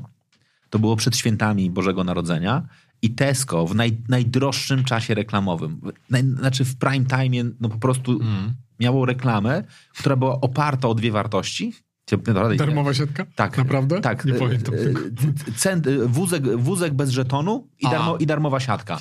I oni naprawdę mieli taką, wiesz, absolutną kampanię. U nas wózek ja, bez żetonu, czy też bez, bez, bez monety. No to musiałbym to, to był rok 2007, okay czwarty, ja to jest jakiś, to był to, wiesz, no. to jest ten moment, kiedy dokładnie... No, Niesamowite, nie? W ogóle wiesz, no, to, absolutnie niesamowita historia, w którym dokładnie się to No, e, no właśnie, to, to, teraz masz Lidla, Lidla, Biedronkę, Carrefoura, pewnie naj, takie największe sieci mi się wydaje, z tego co, co, co wiem, no to, no to w każdej masz zrywki za darmo, masz oczywiście te, te, te siatki, y, reklamówki wielorazowe. Ale dzisiaj Carrefour właśnie jest świeżo po wprowadzeniu projektu i to trzeba ich pochwalić jednagże. Ty A widzisz. Trochę skrytykowałeś no. to i ten, Ale, ten, ten ja, to, ja, to, ja to Ale ta, ta duża, duża sieć w sensie duże Carrefoury, bo ten u nas mhm. to jest, taki, to jest ten tak, tak, tak, tak zwany tam, nazwijmy go... Express. E, tak, Carrefour Express, to jest Light, chciałem go nazwać. Mhm. E, to jednakże wprowadzają już e, te bawełniane siatki na, tak, na owoce i warzywa. Widziałem, na razie widziałem, widziałem tylko, nawet, tylko w internecie, więc tak. jeszcze nie byłem w sklepie, ale... Widziałem, pochwaliłem, dostałem sporo, inform- sporo e, jakby po wrzuceniu na Instastory e, informacji, sporo dostałem jakby zwrotek od ludzi, że widzieli, są, ale wciąż są równolegle funkcjonują. Więc to też nie jest Ale tak. wiesz dlaczego? Bo ludzie się boją. Znaczy, bo moim zdaniem zarządca sklepu o, boi się. chce dać, chce dać Może, wybór, chce dać, chce no, dać wybór takim ludziom jak ty, mm. czyli frikom, po to ok, mm-hmm. e, ale jednocześnie się boi, bo no. przecież jakby siatka, ona tam chyba kosztuje około 2 złotych, Pię- 5,90 chyba. Nie, ta, ta bawełniana? Bawełniana, ten, ten, 5,90. ten woreczek taki tak, mały? Tak, tak. Okej, one, no to- one chyba nie są takie małe. E, Okej. 5,90 kosztują, bo to jakby sprawdziłem. Nie? Zresztą... E, No to wiesz, 5,90, a, darmowy, a darmowa foliówka, no to w ogóle wiesz. Jasne, tylko wiesz... Dwa piwa, no, dwa piwa jasne. masz w dodatku. Tylko wiesz, ja, ja to mówię, że ja, ja, bym, ja bym zrobił to ekstremalnie. Każda foliówka za 20 zł rozwiązałoby to problem. Ale to prawda. To Od prawda. razu. Człowieku. Zniknąłby problem. To prawda. Nie? No. Bo to, to zada... wiesz, wiesz, ile ludzi do mnie napisało e, siedzących na kasie albo na obsłudze strasznie dużo. Z Biedronki, Lidla, Carrefoura, nie broniąc swoich pracodawców. Tylko mówiąc dwie rzeczy. Jedną taką, że, bo tam oczywiście się pojawiły takie głosy rebelianckie, że nawołujące, zresztą ja też dołożyłem, bo ja też chyba w tym poście, e, który taki najszerzej był komunikowany na największych zasięgach, e, też napisałem, że zwracajmy uwagę personelowi sklepu, ale potem się z tego gdzieś tam w komentarzach zacząłem wycofywać właśnie pod wpływem rozmów z ludźmi, no bo tak naprawdę ten personel jest trochę Bo- Bogu ducha winny. Oni mówią, oni mówią, stary, w ogóle zapomnij, kierownictwo sklepu nazywa was wszystkich chodzącymi portfelami, oni mają w dupie to, czy to będzie reklamówka, czy- ty się tutaj będziesz biesił, czy tam o, o to mi zwracał uwagę, tylko mi robisz pod górkę i, i to po prostu to i tak niczego nie zmieni, nie? To jest raz, a dwa, mówią, że nawet oni zwracają czasem uwagę klientom, że no ale no musi pan na pewno te pięć reklamówek i każda nie można by było w duchu dbania o środowisko, to mówi, że to w 90% opierdol jeszcze dostają. Nie, że zwracają uwagę klientom, nie? Na kasie. Więc Wiesz co, ale ja myślę, wiesz, bo... No, mentalnie. Znaczy, ja też, ty- no trochę to rozumiem, znaczy, bo jestem jednym z tych, który Mhm. e, jak kupuję warzywa szczególnie, wiem, powinienem je kupować w weekend na ryneczku, ale nie robię No, tego, nie zawsze mogę ja pójść w weekend zawsze. na, na, No na ryneczek, więc czasem idę do sklepu, tam faktycznie ma tą swoją siatkę, pani mi je gromadzi, gromadzi, gromadzi, gromadzi, zbieram te wszystkie e, te e, kody kreskowe, no i później przy kasie Niestety muszę z tej torby wyciągnąć, tak? No tak, A, I no. pani musi je tam e, Zważyć. e, Po, po kole... A nie, jak, dobra, jak już mam Jak już mam zważone, to nie. mam zestaw, to nie ma. Ale czasami gromadzę czasami No ja muszę, i też, muszę pójść ja dokładnie w, i, i, i poważyć na, na, na, tej, na, Mhm. te, o, w Lidlu jest ważenie przy kasie. W Lidlu jest ważenie przy Więc tam- kasie. tam, wiesz, i tam się ja rozsypuje. wykładam, wiesz co, ja wykładam je po prostu na, na, na, na taśmę. Powiem ci, że jeszcze się nie spotkałem z jakimiś... Ludzie pisali, że czasem... A ja, a ja, ja, nie są mówię, ja nie ale mówię o kasie. To ja, to z perspektywy kasy nie mam, ale widzę z perspektywy ludzi stojących za mną, że, tak, to że jest tam, wiesz, smokanie. No jest, I, tam, jest, wiesz, jest. I szczególnie jak się Tak, okaże, tak, że miały, tak, że tak. wiesz, cztery marchewki leżą z przodu, Tak, pi- tak, tak. piąta gdzieś dalej, trzeba ją, wiesz, No, położyłbyś No. tej siatce, byłoby szybciej, tak? No, no ale widzisz, ale, ale y, y, można też kupić sobie tam, ja nie wiem, mam taki zestaw, to, to jakiś Sakwabak, czy Sakwabak chyba to akurat y, robi, ale jest, widzę dużo i to, powiem ci, że manufaktur, jakby y, takich ludzi, którzy tam z firanek, z czegoś tam robią, to pod tym postem to chyba z 30 osób robi. Tam y, się oferowało, że nawet zrobią za darmo i wyślą, więc jak chcecie, to zerknijcie pod tego posta i poszukajcie kontaktów, bo ludzie to zaoferowali, że zrobią, nie? Tak po prostu dla, dla idei, część sprzedaje, robi tam może jakieś małe, ma, ma, małe biznesy, nie wiem, czy do, mo, może firanek już nie mają w domu, już przerobili wszystko na woreczki. Nie wiem. Może Tak? gdzieś idą, siedzą, siedzą na przykład w gości, da popiją herbatę, Tak. mówią, ty, faj- fajna, Ty, fajna, firanka, nie? potrzebujesz? Mogę? No. Może tak być, nie, nie wiem.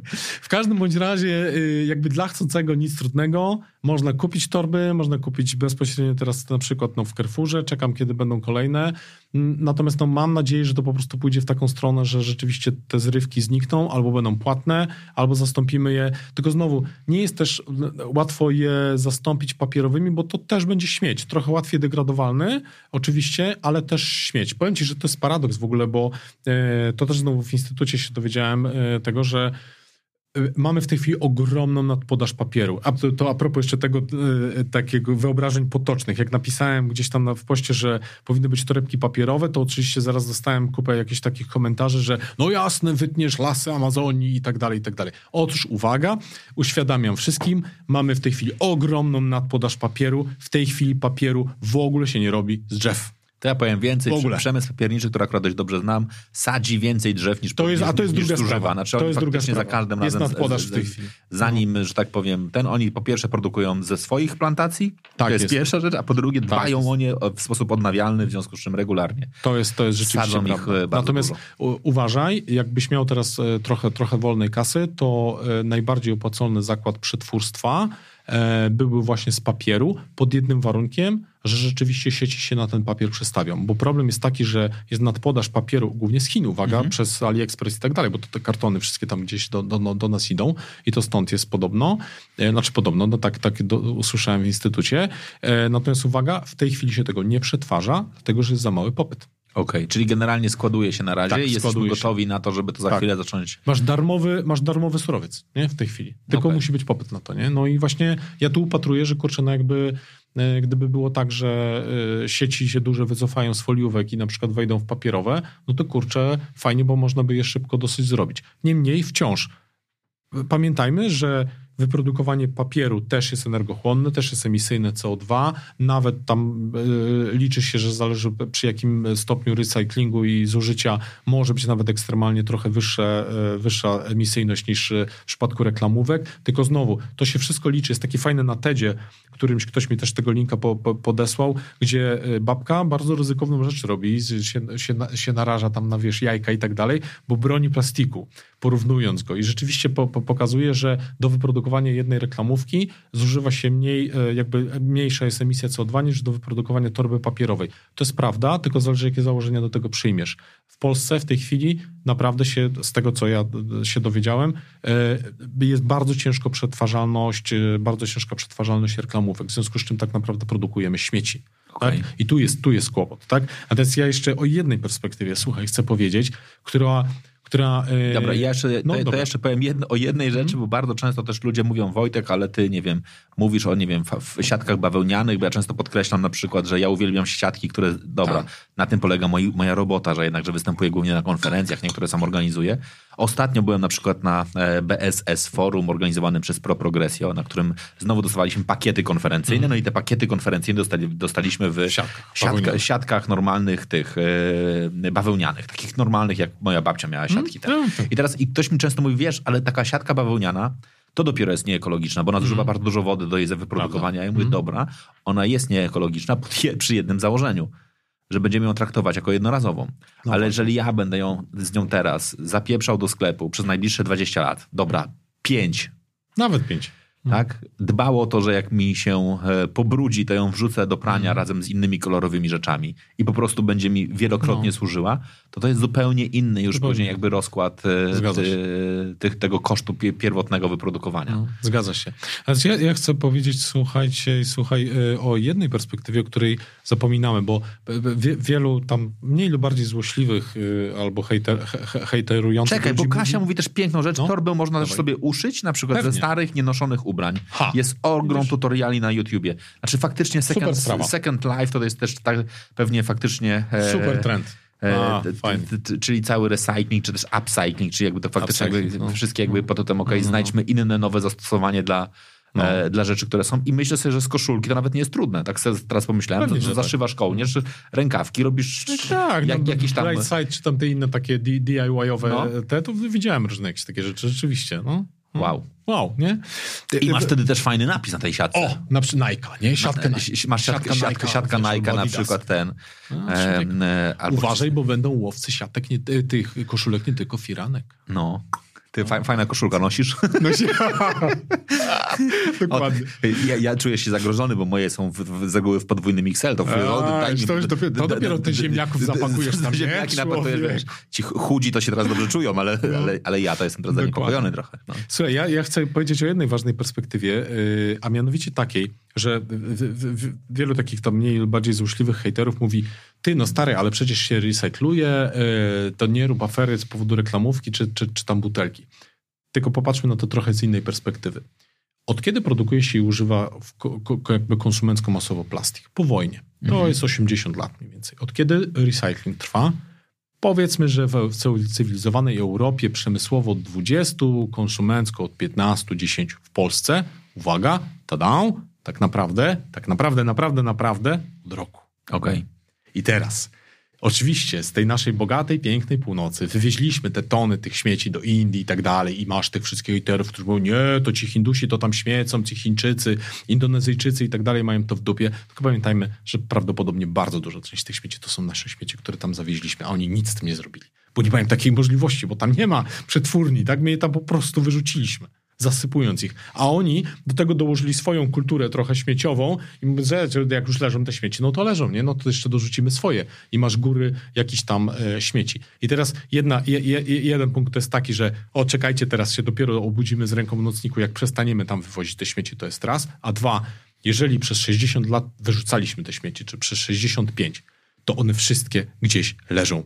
Nie ma takiego człowieka na świecie, który by dożył na razie rozłożenia się chociaż jednego kawałka plastiku, który wyprodukowaliśmy od początku produkcji plastiku. Nie ma. Tak? Teraz nawet takie zdjęcie obiegły świat, e, no bo plastik, no ekstremalnie mówią się ze 100 lat, tak? ale tak naprawdę się rozkłada 200-300, tak naprawdę to w ogóle nie rozkłada, tylko degraduje do granulatu takiego bardzo, bardzo drobnego mikroplastiku, tak zwanego. Tak, tak, się, tak się mówi, bo, bo też nikt tego nie dożył na razie, ale teraz gdzieś może wypłukało na Barcelonie, w miasteczku olimpijskim jogurty z 50 któregoś roku. Tak? W ogóle niezniszczone, prawie opakowane. Znaczy w sensie tam gdzie podziurawiony, nie ma ten, gdzieś ten piasek. Z 50 któregoś roku. Nie? Schodzą takie zdjęcia po internecie. Więc wyobraźmy sobie te dwie perspektywy. Po pierwsze, przez 60 lat wyrzucaliśmy plastik, nic z nim nie robiąc. Więc mówienie, że robisz aferę z powodu reklamówki czy butelki teraz, co tam przecież recyklujemy, to ja mówię, człowieku, dokładasz do tej hałdy śmieci, którą robiliśmy przez 80 lat, czy przez 60, tak? To naprawdę chcesz dokładać jeszcze do tego dalej? Mało? Tak? A to jest jedna rzecz. A druga, to wszystko się nie rozłożyło i nie rozłoży przez następne 300 lat. Nikt z nas nie dożyje tego. Każdy Czyli wszyscy, którzy są na przykład całkiem dobrzy z zarządzaniem e, budżetem domowym i finansami i na przykład myślą też o wolności finansowej i rozumieją, czym jest procent składany.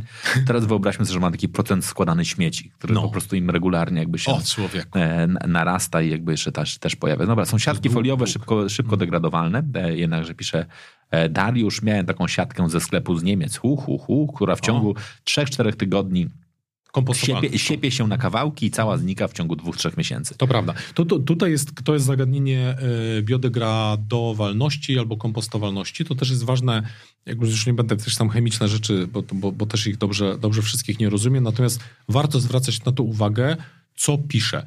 E, jest tak w Polsce, że deklaracja, co to jest za rodzaj plastiku, albo czy jest degradowalny w taki czy inny sposób, czy kompostowalny, jest całkowicie dobrowolna. Ale jak już napiszesz, to tak rzeczywiście musi być. Bo okay. jak nie, to cię, to cię pociągną do odpowiedzialności. Są dosyć duże kary. Więc to, czego warto szukać, to, to wszelkie rzeczy związane, zrobione z czegoś, co jest kompostowalne. Kompostowalne oznacza, że w ciągu 90 dni przemysłowo to się po prostu rozpadnie. Tak, w określonej temperaturze. Tam przemysłowa temperatura kompostowalności jest 50-55 stopni, w takich dużych pryzmach, przydomowych 30 parę.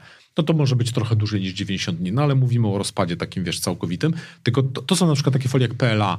Chyba Lidl ma jakaś włoszczyzna, czy coś jest, ale wyraźnie pisze, folia PLA, y, kompostowalna, tak? I to jest ważne. Jeżeli coś takiego widzimy, to to teoretycznie jakby jest rzeczywiście można skompostować i, i są kompostowniki, w tej chwili się je przemysłowo robi i, i, i rzeczywiście to jest jakieś rozwiązanie.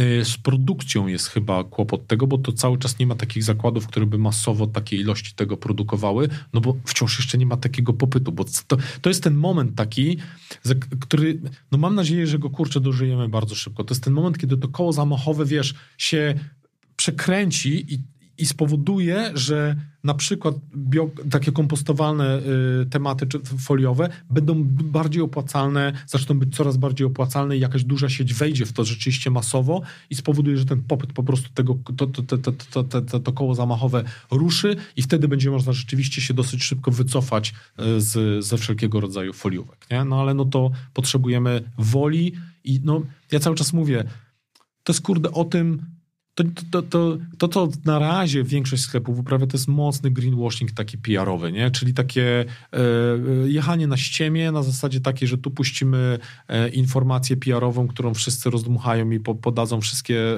e, opiniotwórcze, wiesz, magazyny, że tu wprowadziliśmy bawełniane torby, albo tutaj wprowadziliśmy wielo tam kropkę, czy coś tam, nie wiem jak się ta torba z Lidla reklamowali ją niedawno e, nazywa. Tylko to wszystko nie rozwiązuje żadnego problemu. To są tylko i wyłącznie na razie PR-owe zagrywki. Ja czekam czekam na takiego game changera.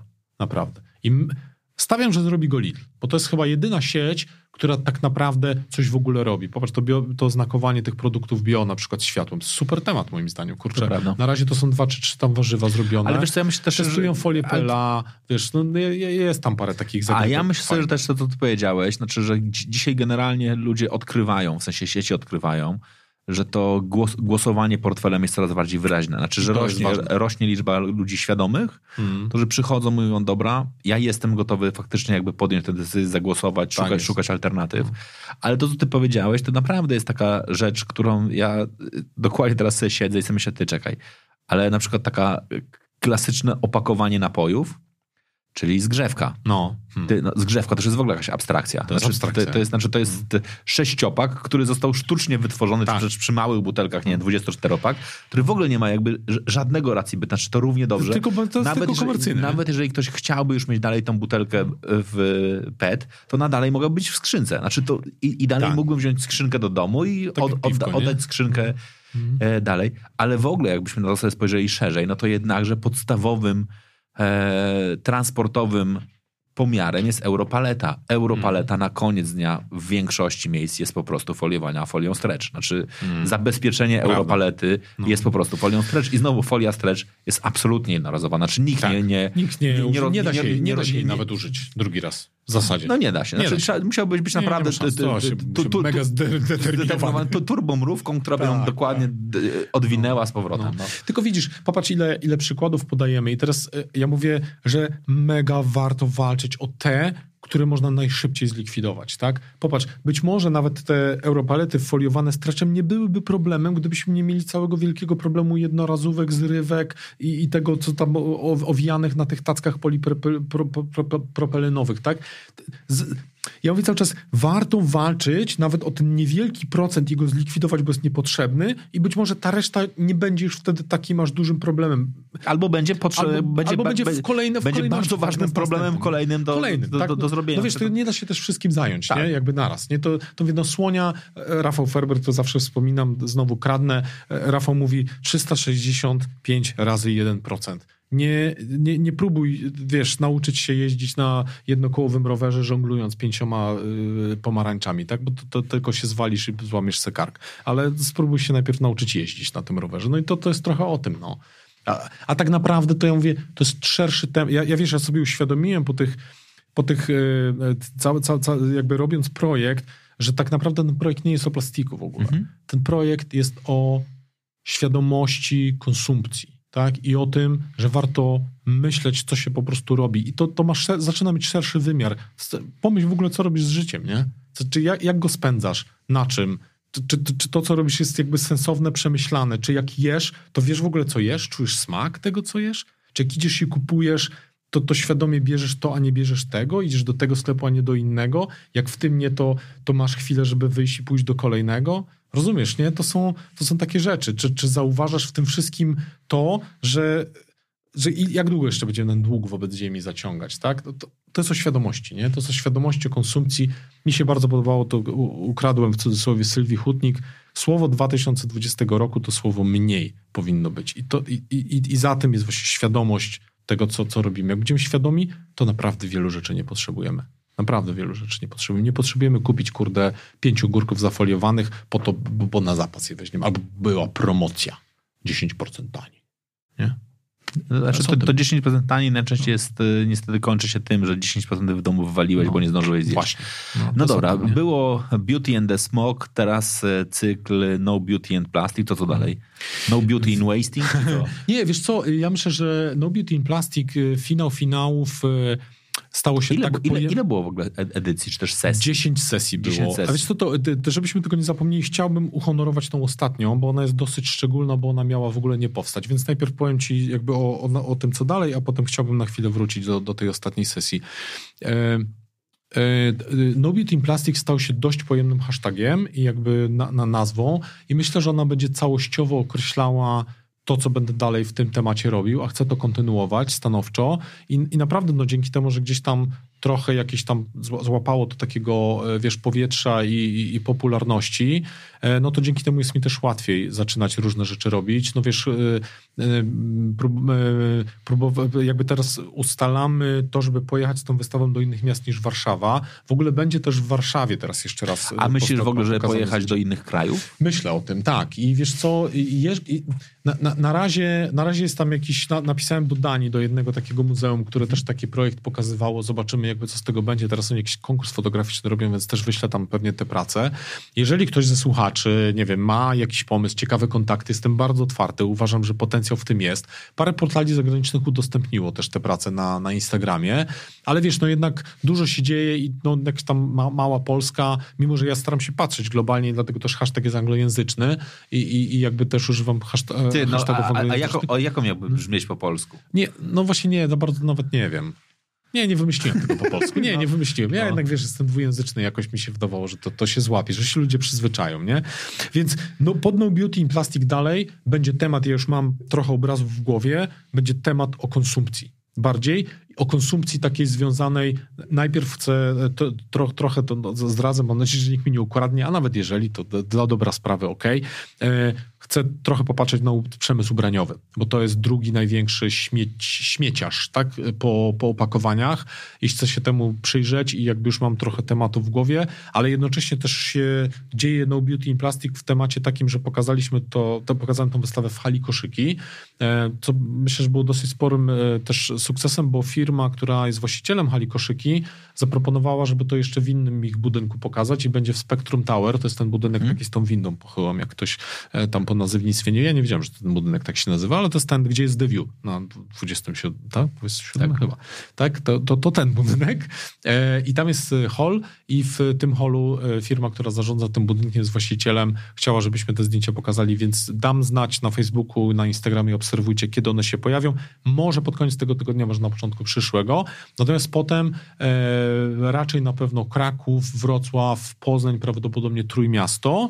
E, I właśnie też e, jakby po, po, korzystając trochę z tego, że się wokół tego szumu zrobiło, no na przykład te, w takim Wrocławiu, no udało mi się przez kontakty jakby już teraz mniej muszę tłumaczyć, bo sobie ludzie, bo, bo widzą Ludzie albo w- kojarzą i tak dalej, e, no to też już mogę, po, po, chyba się nie obrażą. Szklarnia, samo centrum Wrocławia, rynek w zasadzie, e, piękne podobno miejsce, chociaż e, szczerze jeszcze nie byłem. Będzie tam wystawa w kwietniu, w połowie kwietnia. Tam mam zaproszenie na, na, na wygłoszenie prezentacji e, wykładu, ale będzie też wieczór autorski na pewno, więc tam na pewno pokażemy. I w sztuce wyboru prawdopodobnie w lipcu to jest Trójmiasto z kolei. E, będziemy pokazywać. Jeszcze szukam miejsca cały czas w Krakowie i w Poznaniu. Jak ktoś ma jakieś fajne pomysły, to jestem bardzo, bardzo otwarty. E, No i to takie, takie, jeżeli chodzi o plany. Natomiast wiesz co, chcę wrócić do tej sesji dziesiątej, bo jej miało nie być w ogóle. Ja po, po wystawie w koszykach, jakby wiedziałem, że chcę zakończyć temat, podsumować go wystawą, pojechać e, z tą wystawą jeszcze w, w parę miejsc, ale jakby zająć się już robieniem, robieniem tego tematu konsu, kon- konsumpcja ubrań, tak? E, bardziej. Ale e, Zostałem zaproszony po wystawie do Liceum Rejtana y, i potem do Cervantesa i w Cervantesie e, to w obydwu, kurde, słuchaj, były pełne sale dzieciaków, nie? To ze 150 osób, wiesz, kurde, ze dwie godziny żeśmy tam nie mogli się nagadać, nie?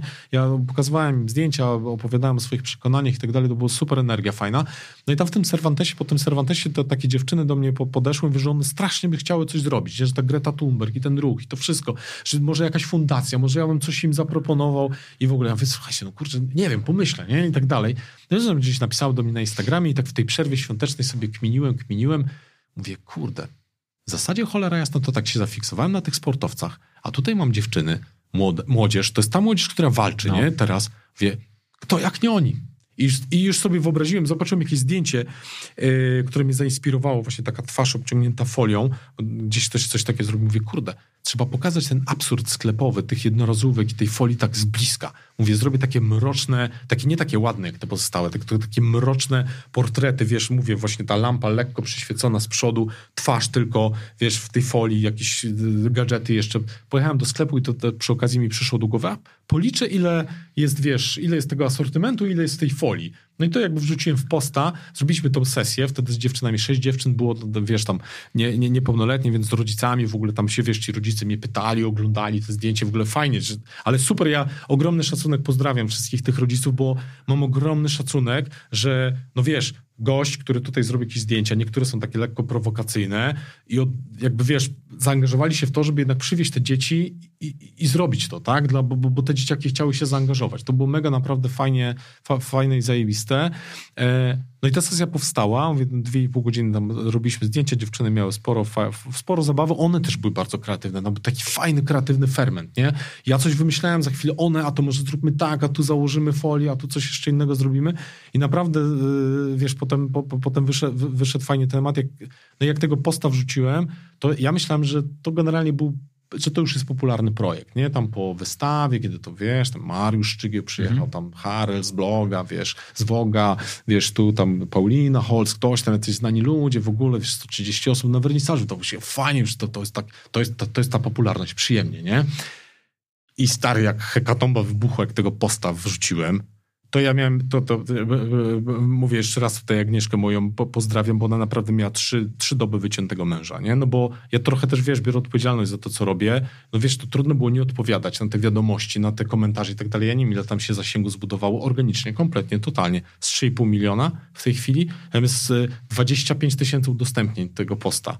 Wiesz, ja nie pamiętam ile jest lajków, 10-15 tysięcy, nie, są dziesiątki komentarzy. Jeszcze raz mówię, jak komuś nie odpowiedziałem na jakiś komentarz, please napiszcie mi na priwa.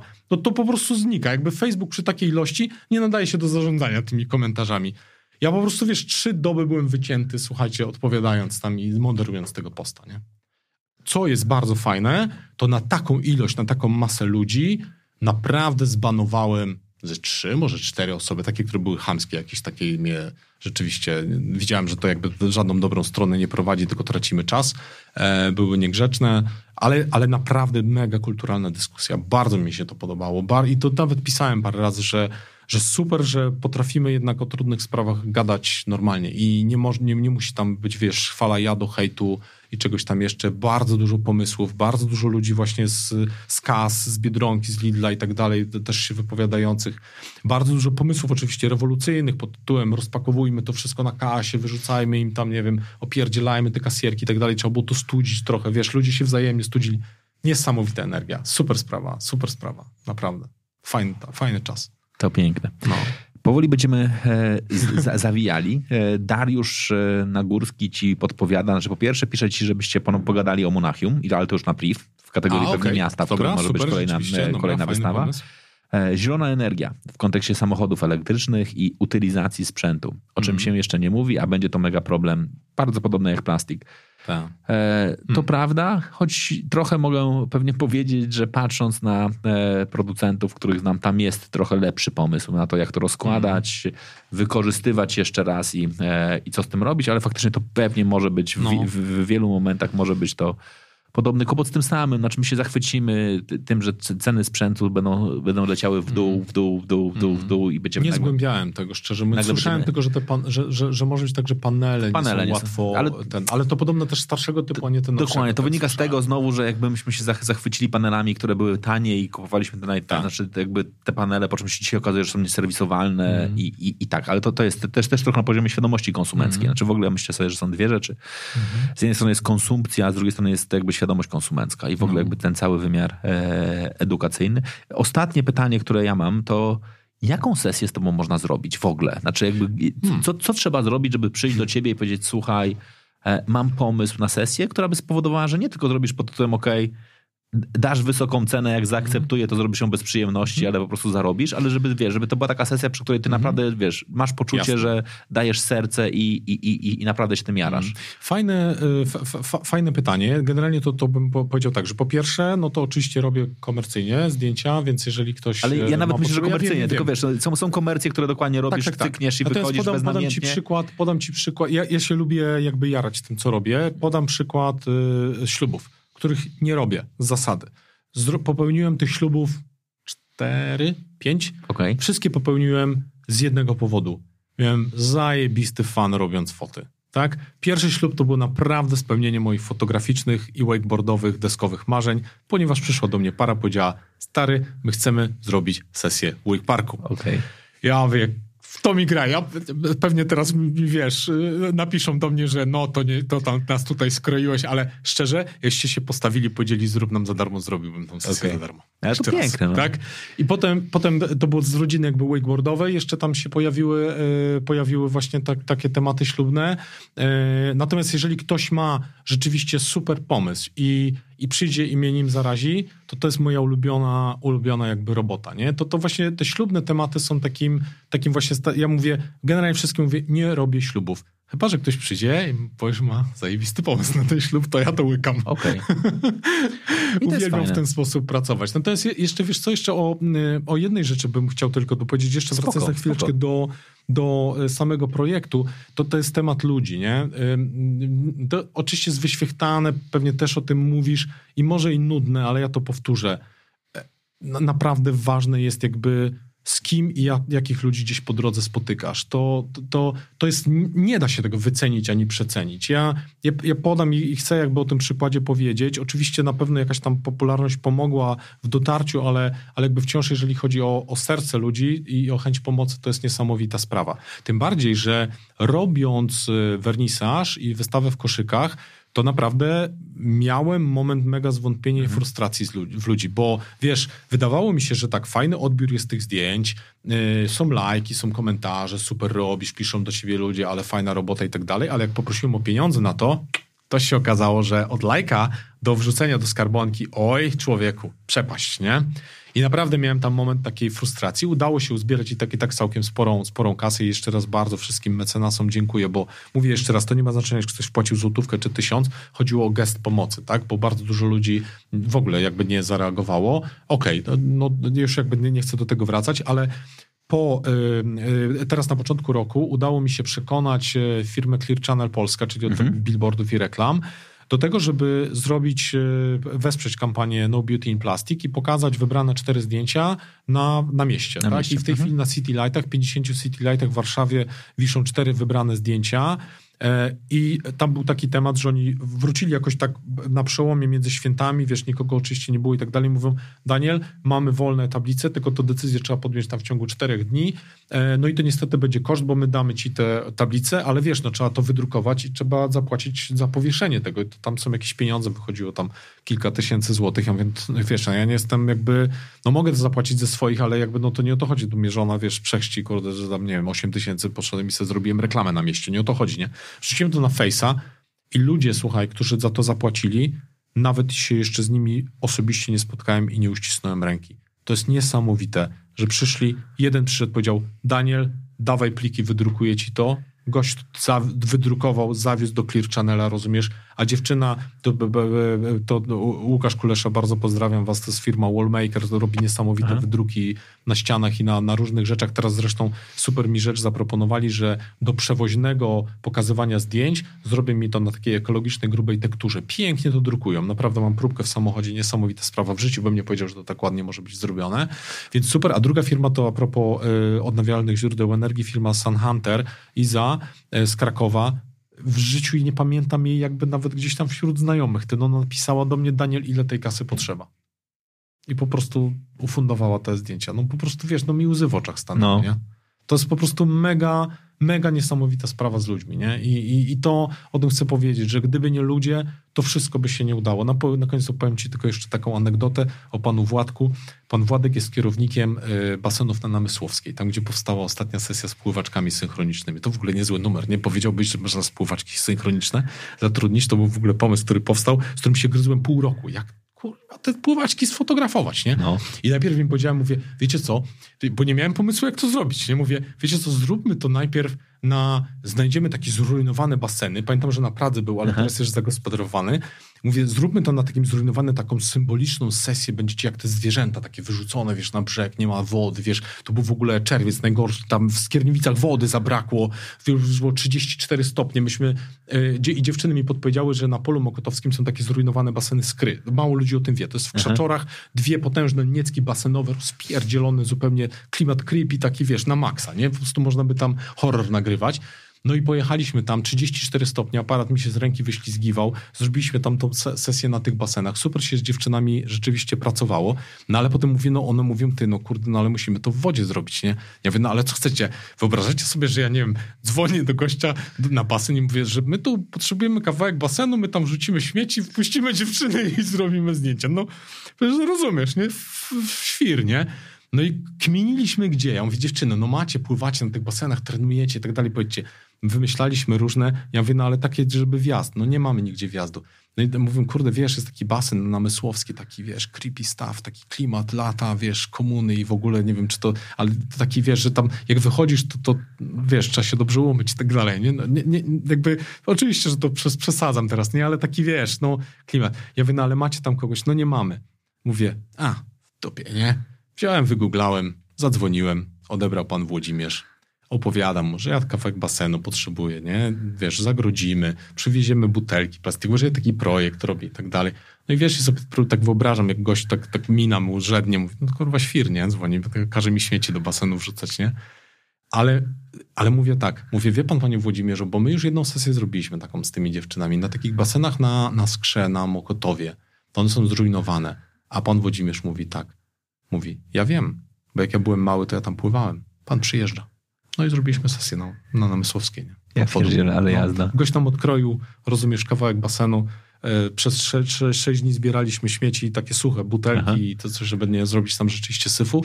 Przywieźliśmy kilka toreb tych śmieci, wrzuciliśmy je do basenu, zrobiliśmy zdjęcia, e, wyjęliśmy to wszystko, zawieźliśmy no, do, do, do recyklingu, e, wiesz, i powstały zdjęcia. Nie? No i to są takie historie. Ale to jest piękne. No. Najlepsze historie no. tworzą z reguły ludzie. Tak jest. A ludzie dzięki wam w Hera Oner są niesamowici. Dzisiaj tym niesamowitym e, człowiekiem był Daniel Petryczkiewicz. Bardzo ci dziękuję Wojtek. Było mi ogromnie miło, że zadzwoniłeś i przyznam szczerze, że znowu fajnie jest, e, bo ja trochę postrzegam ten program właśnie tak biznesowo bardzo. Super, jak sobie poglądałem, kogo jeszcze miałeś, to super, że jakby e, te horyzonty się bardzo rozszerzają i naprawdę mega ciekawi ludzie. Życzę ci, żeby to się dalej tak fajnie rozwijało i strasznie się cieszę, że mogłem się wygadać wreszcie, kurczę, na ten temat. Nieocenione, nigdy ci tego nie zapomnę. Dziękuję ci bardzo, to prawda, ja muszę nagrać nową czołówkę, bo ten program o sporcie, biznesie i przedsiębiorczości no właśnie, to... to... już dawno nie jest. No od, tego, od tego pierwszego pomysłu, który był ponad rok temu, już trochę odeszliśmy. E, I dzisiaj po prostu rozmawiamy z tymi ludźmi, z którymi chciałbym rozmawiać, nawet jeżeli nie byłoby Was, e, czyli słuchaczy, bo chyba dzisiaj taki jest po prostu dobór gości do tego programu. Za dzisiaj bardzo serdecznie Wam dziękuję. Dziękuję Tobie za bardzo, dziękuję bardzo fantastyczne e, rozmowy. No i co? Muzyka i spadamy. Do Dzięki. zobaczenia. Dzięki Dobranoc. bardzo.